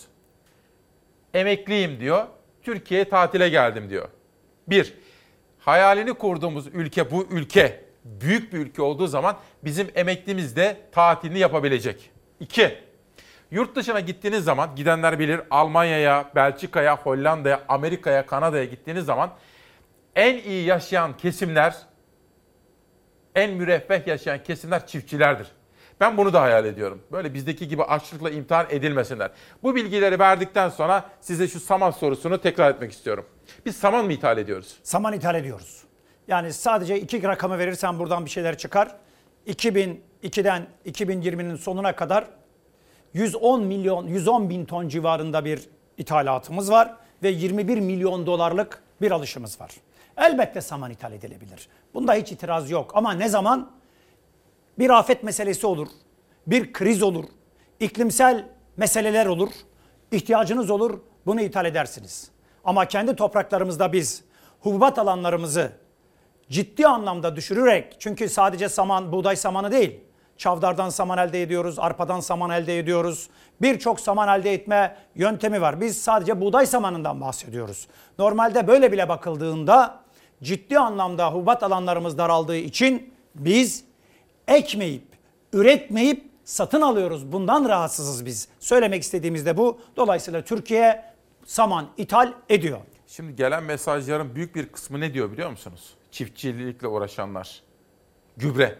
Evet. Gübre maliyetleri, mazot maliyetleri çok mu arttı? Çok arttı. Bir bilgi verir misiniz? Elbette Türkiye yılda yaklaşık olarak 6 milyon ton civarında gübre kullanmakta.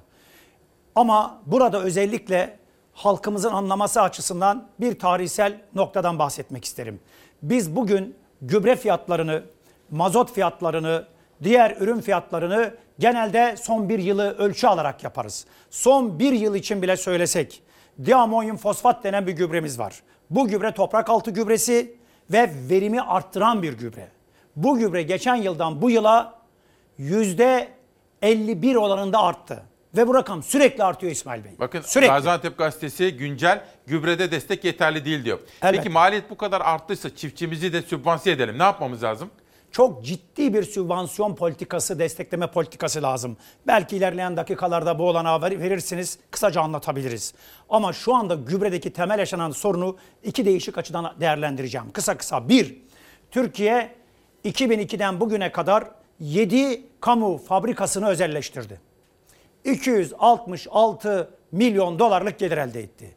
Yine 2002'den bugüne kadar 72 milyon ton gübre satın aldık ve 20 milyar dolar para ödedik. Bir kere bir, biz artık gübrede dışa bağımlıyız.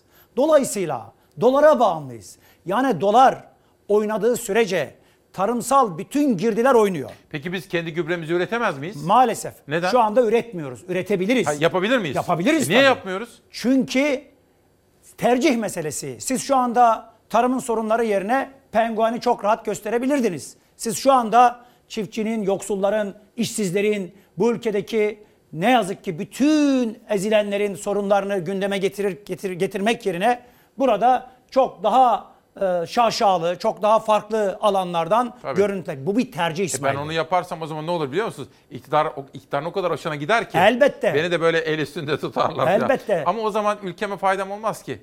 Ben istiyorum ki beni şimdi Tarım Bakanı da izliyordur eminim. İktidar mensupları ve efendim iktidar sahipleri de izliyorlardı. Faydası olsun isterim ben ülkeme. Doğrusu bu. Sonuçta bir tercih. İktidar böyle bir tercih yaptı. Bu tercih Türkiye'de 1980'de başladı İsmail Bey. Türkiye serbest piyasa düzenine yani küresel sisteme geçerken bir şey yaptı. Kamuyla tarım arasındaki ilişkileri kopardı. Soner Yalçın'ın böyle bir kitabı Elbette, vardı. O elbette. kitabı okudunuz mu? Elbette tabii Son ki. kitabından önceki. Tabii ki. Tarım politikaları, küresel sistem nasıl? Aslında şu çok basit Orhan Bey. Değerli izleyenlerim, çok basit. Diyelim memleketi yönetiyorsunuz. Uzun vadeli stratejik planlama yapmak yerine, çünkü o zor. Çiftçinizi desteklemek yerine daha kolay yollara başvuruyorsunuz.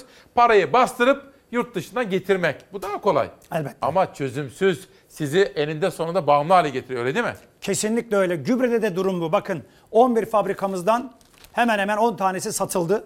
Bir tanesi Tarım Kredi Kooperatifine bağlı olarak sürdürüyor. Geçenlerde bir spekülasyon olmuştu biliyorsunuz onunla ilgili. Bugün geldiğimiz noktada gübre fiyatları döviz düşmesine rağmen düşmüyor. Neden? Döviz 8,5 liradan 7 liraya düştü. Niye gübre fiyatları düşmüyor? Çünkü siz dışa bağımlısınız. Çünkü dünyada Covid'den sonra başka bir hikaye oldu. Bütün gıda ve tarım ürünlerinde bütün ülkeler artık milli, yerel, kendi gıda güvenliğini ve kendi gıda egemenliğini, halkının gıda egemenliğini sağlamak için yeniden yerele, yeniden kendilerine döndüler ve stoklarını arttırdılar. Dolayısıyla dışarıda ham madde çok pahalı. Örneğin sadece buğdayda 220, 230 dolarken bugün 304 dolara ihaleye gidiyoruz biz. Dolayısıyla çok ciddi bir mesele var. Dolar dolar üzerinden fiyatlar arttığı için gübre fiyatlarının şu anda durma olanağı yok.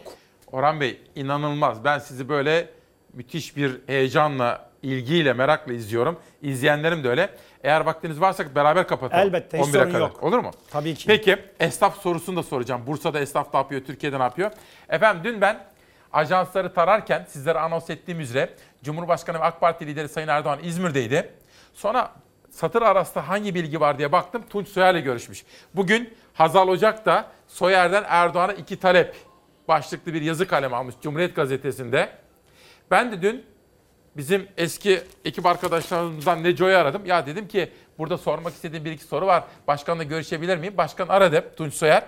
Dedim ki nerede gördünüz Sayın Erdoğan'ı? Havaalanında kendisini karşıladım dedi. Kendisine dedim ki Sayın Cumhurbaşkanım hoş geldiniz İzmir'imize. Eğer bugün vaktiniz olursa bir 15 dakika sizinle konuşabilir miyim? Akşam üzeri Cumhurbaşkanı Özel Kalem Müdürü aramış ve Tunç Soyer'i İzmir Büyükşehir Belediye Başkanı valiliğe davet etmiş. Orada bir 10-15 dakika civarında konuşmuşlar. Sıcak geçmiş, olumlu geçmiş. Bundan memleket ve İzmir sevdalısı olarak memnun oldum. İki konuda talepte bulunmuş. Tunç Soyer demiş ki, Dünya Bankası'ndan 30 yıl vadeli, çok uygun koşullarda kentsel dönüşümde kullanılmak üzere kredi bulduk. Eğer onaylarsanız demiş, Cumhurbaşkanı olumlu bakmış, inceleteceğim demiş. İkinci konu da Buca. İzmir'in tabii altyapısı ve trafik sorunları var. Cumhurbaşkanı Erdoğan belli soruları sormuş kendisine. Onları da bana anlattı Tunç Soyer. Ama özellikle Tunç Soyer Cumhurbaşkanı Erdoğan'dan Buca metrosu konusunda da desteklerini istemiş. Efendim bir reklam arasına gideceğiz. Şu kitapları tanıtayım. Reklamlardan sonra 11'e kadar birlikte olacağız. Biz her sabah kitap tanıtıyoruz bir taraftan.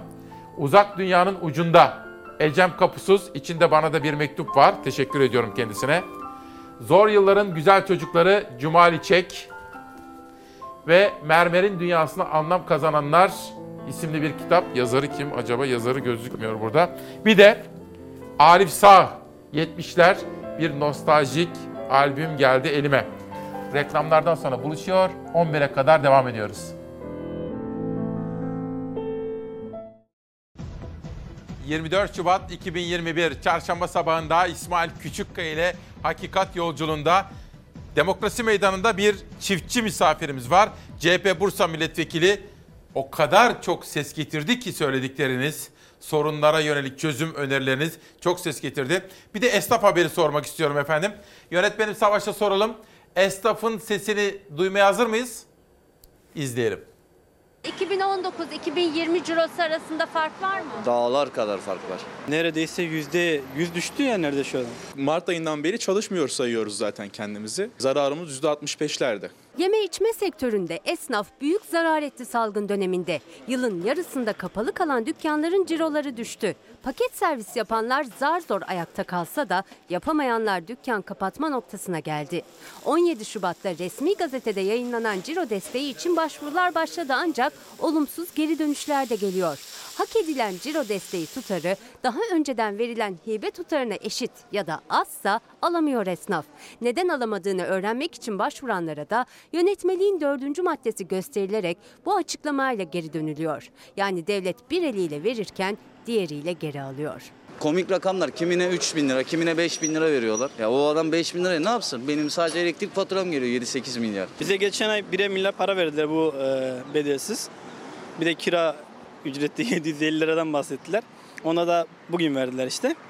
Ya o da bizim hani elektriğimize yetmez yani.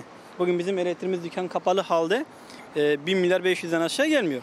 Kapalıyken. Tabii kapalıyken bile. Nasıl oluyor? İçeride soğuk hava deposu var. Dolaplar aynı şekilde çalışıyor. E, malzemeler de var.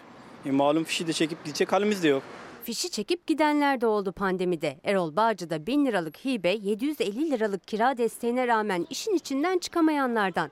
Ciro desteğine de başvurdu ancak çıksa bile aldığı hibe hesabından düşecek. Ciro desteği 2000 liradan az olmayacak, 40 bin lirayı da aşmayacak. Ama eğer esnaf hibe desteği aldıysa onun da hesabı yapılıp hesaptan düşülüp öyle verilecek ciro desteği. Ancak esnafa göre destekler bir yıllık zararlarını karşılamak için yetersiz.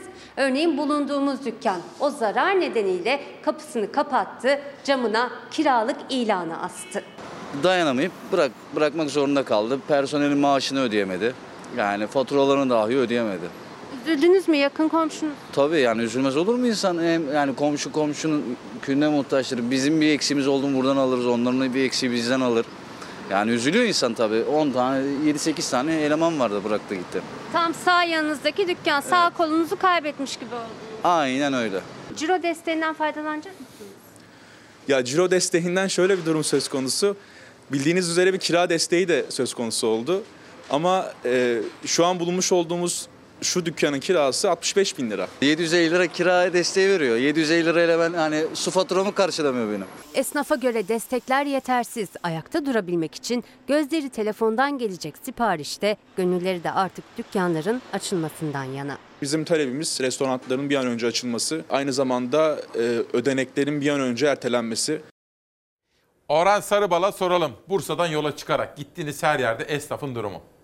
Çok net şunu söyleyelim. En çok mağduriyet yaşayanlar kahvehaneler ve küçük kafeler. Bunlar ciddi anlamda temel sorunla karşı karşıyalar. Çok üzgünler ve çok sıkıntılılar. Bu dönem bittiğinde gerçekten yeniden büyük bir kısmın tekrar iş yerini açamayacağı çok net kahvehaneler ve özellikle o kafeler, Lokantalar, çorba lokantalar, salonları, küçük lokantalar kafeler. ciddi anlamda sıkıntılı ve en fazla rahatsız oldukları konu da şu. Siz lüks otelleri açıyorsunuz. Otellerde yemeklerde oluyor. Hiç itirazımız yok. Ama öbür taraftan başka bir geliri olmayan bu insanların 100 gün, 150 gün, 200 gün iş yerlerinin kapalı olması adeta o insanları gelirsizliğe, açlığa mahkum etmek. Buradan özellikle bir kesimden müsaade bahsetmek isterim. Temizliğe giden ev kadınları. Evet. Bu insanların çok önemli bir sorunu var. Bu sorun elbette gelirsizlik. Şimdi gidemiyorlar evet. Gidemiyorlar. Ve bunlar ne kısa çalışma ödeneğinden yararlanabiliyorlar. Ne sosyal güvenceleri var. Ve yeni bir haber elbette siz de görmüşsünüzdür. Bir buçuk milyon insan artık tamamen umudunu kesip hiçbir şekilde hiçbir yere iş için müracaat etmiyor. Yani bir tarafta küçük esnaf, e, lokantacı, kahvehaneci, büfeci, özellikle bar, kafe bunları söylemek lazım. Bu ülkede ciddi bir barda çalışan inanılmaz insanlar vardı, emekleriyle yaşamlarını sürdürenler. Bunlar çok uzun bir süredir kapalı. Bizim sesimize ses olun diyorlar. Özellikle bahsettiğim bu kadınların meselesi, ev temizliğine giden insanların meselesi. Bunların sahibi yok İsmail Bey. Peki. Şimdi Eskişehir gazetesine bir bakalım. Milli irade esnaf can çekişiyor diye manşetini atarken Alanya'ya geçiyorum. Antalya Alanya'da bu defa Alanya postası dip fiyat kaygısı. Otellerin doluluk orandaki %49'luk düşüş ve rezervasyonların beklenilen seviyede olmaması oda fiyatlarına da yansıdı. İşte böyle. Hatta elimde Bir Gün Gazetesi'nden bir haber var. Şöyle. Turizm işçisi borç batağında diyor.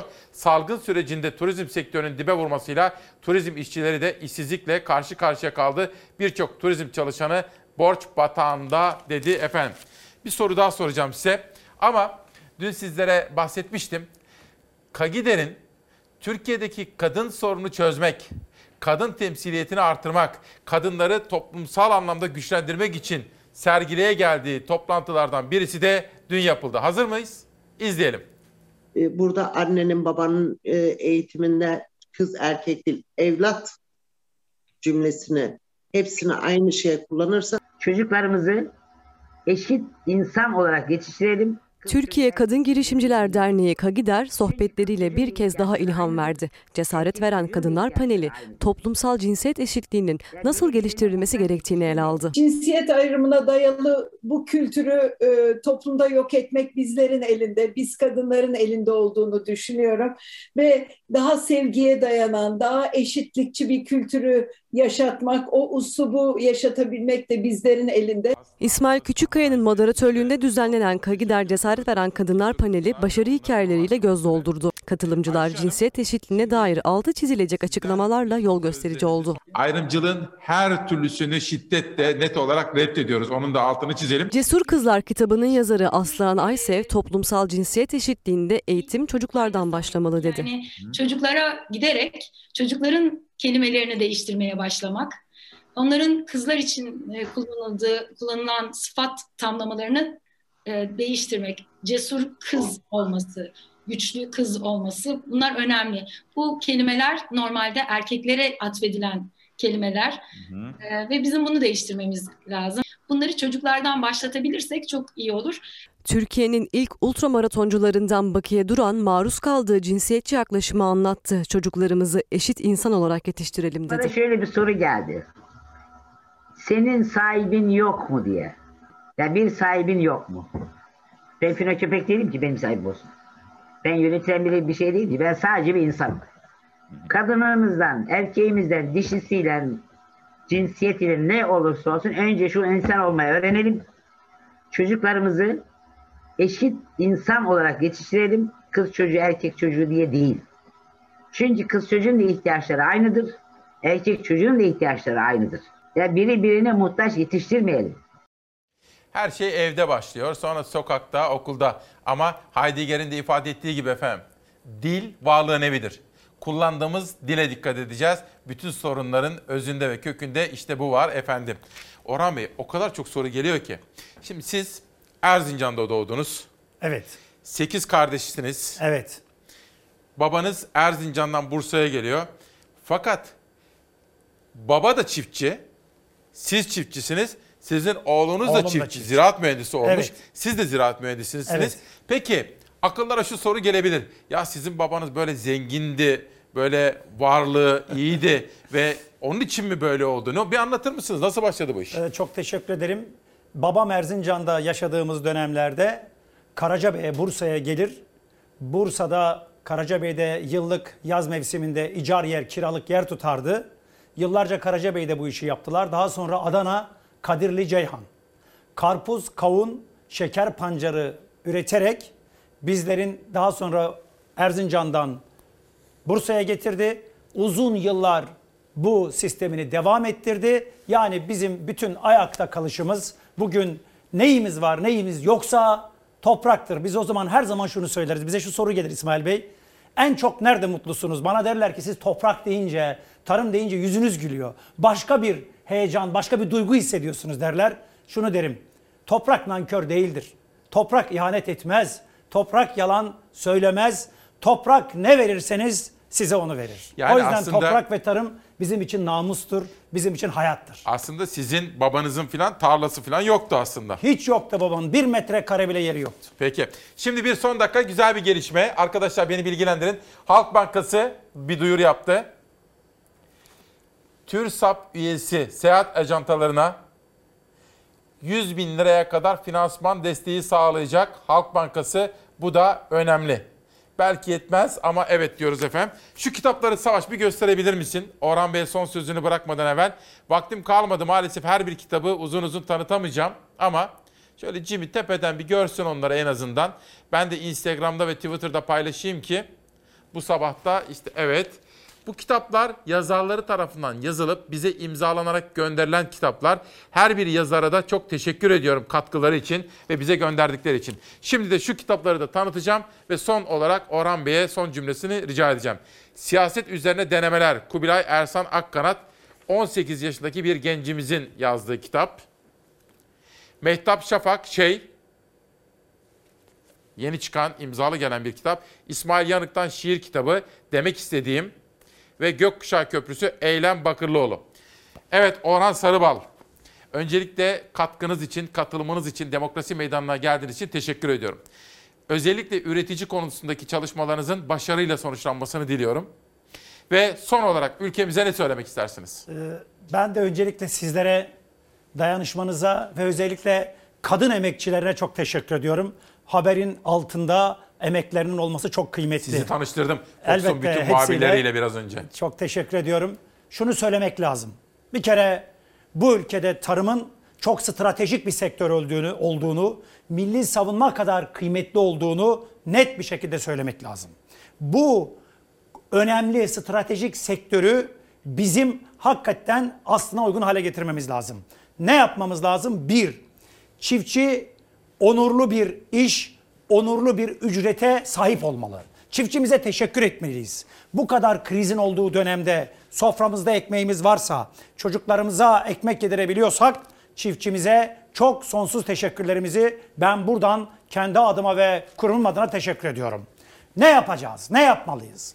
Bugün 90 milyon, yarın 100 milyon insanımızın karnını bu topraklardan doyuracağız. Çiftçimizin borcunu mutlaka ve mutlaka yapılandırmalıyız. Zarar eden çiftçi olmaz. Çiftçimizi ayağa kaldıracağız. Halkımızı da iyi bir gelir düzeyine kavuşturacağız diyorum. Peki, teşekkür ediyoruz. Yarınlar iyi olacak diyorum. Teşekkür Sizlere çok ederiz. teşekkür ederim. Sağ olun efendim. Sevgili izleyenler çok teşekkür ediyorum. Bugün de haber masasında 3 arkadaşım vardı. Zafer Söken, Beyza Gözeyik ve Ezgi Gözeger. Editörüm Zeray Kınacı, gazeteyi beraber çizdiğimiz Orkun Özgül, yönetmenim Savaş Yıldız, rejideki bütün ekip arkadaşlarım, sesçimiz Turgay, teknik yönetmenimiz Latif abimiz, kameralarda Yunus Mümin kardeşim, danışmanım Nihal Kemaloğlu. Fox Haber'e ve Fox'un Ankara bürosuna da içtenlikle teşekkür ediyorum.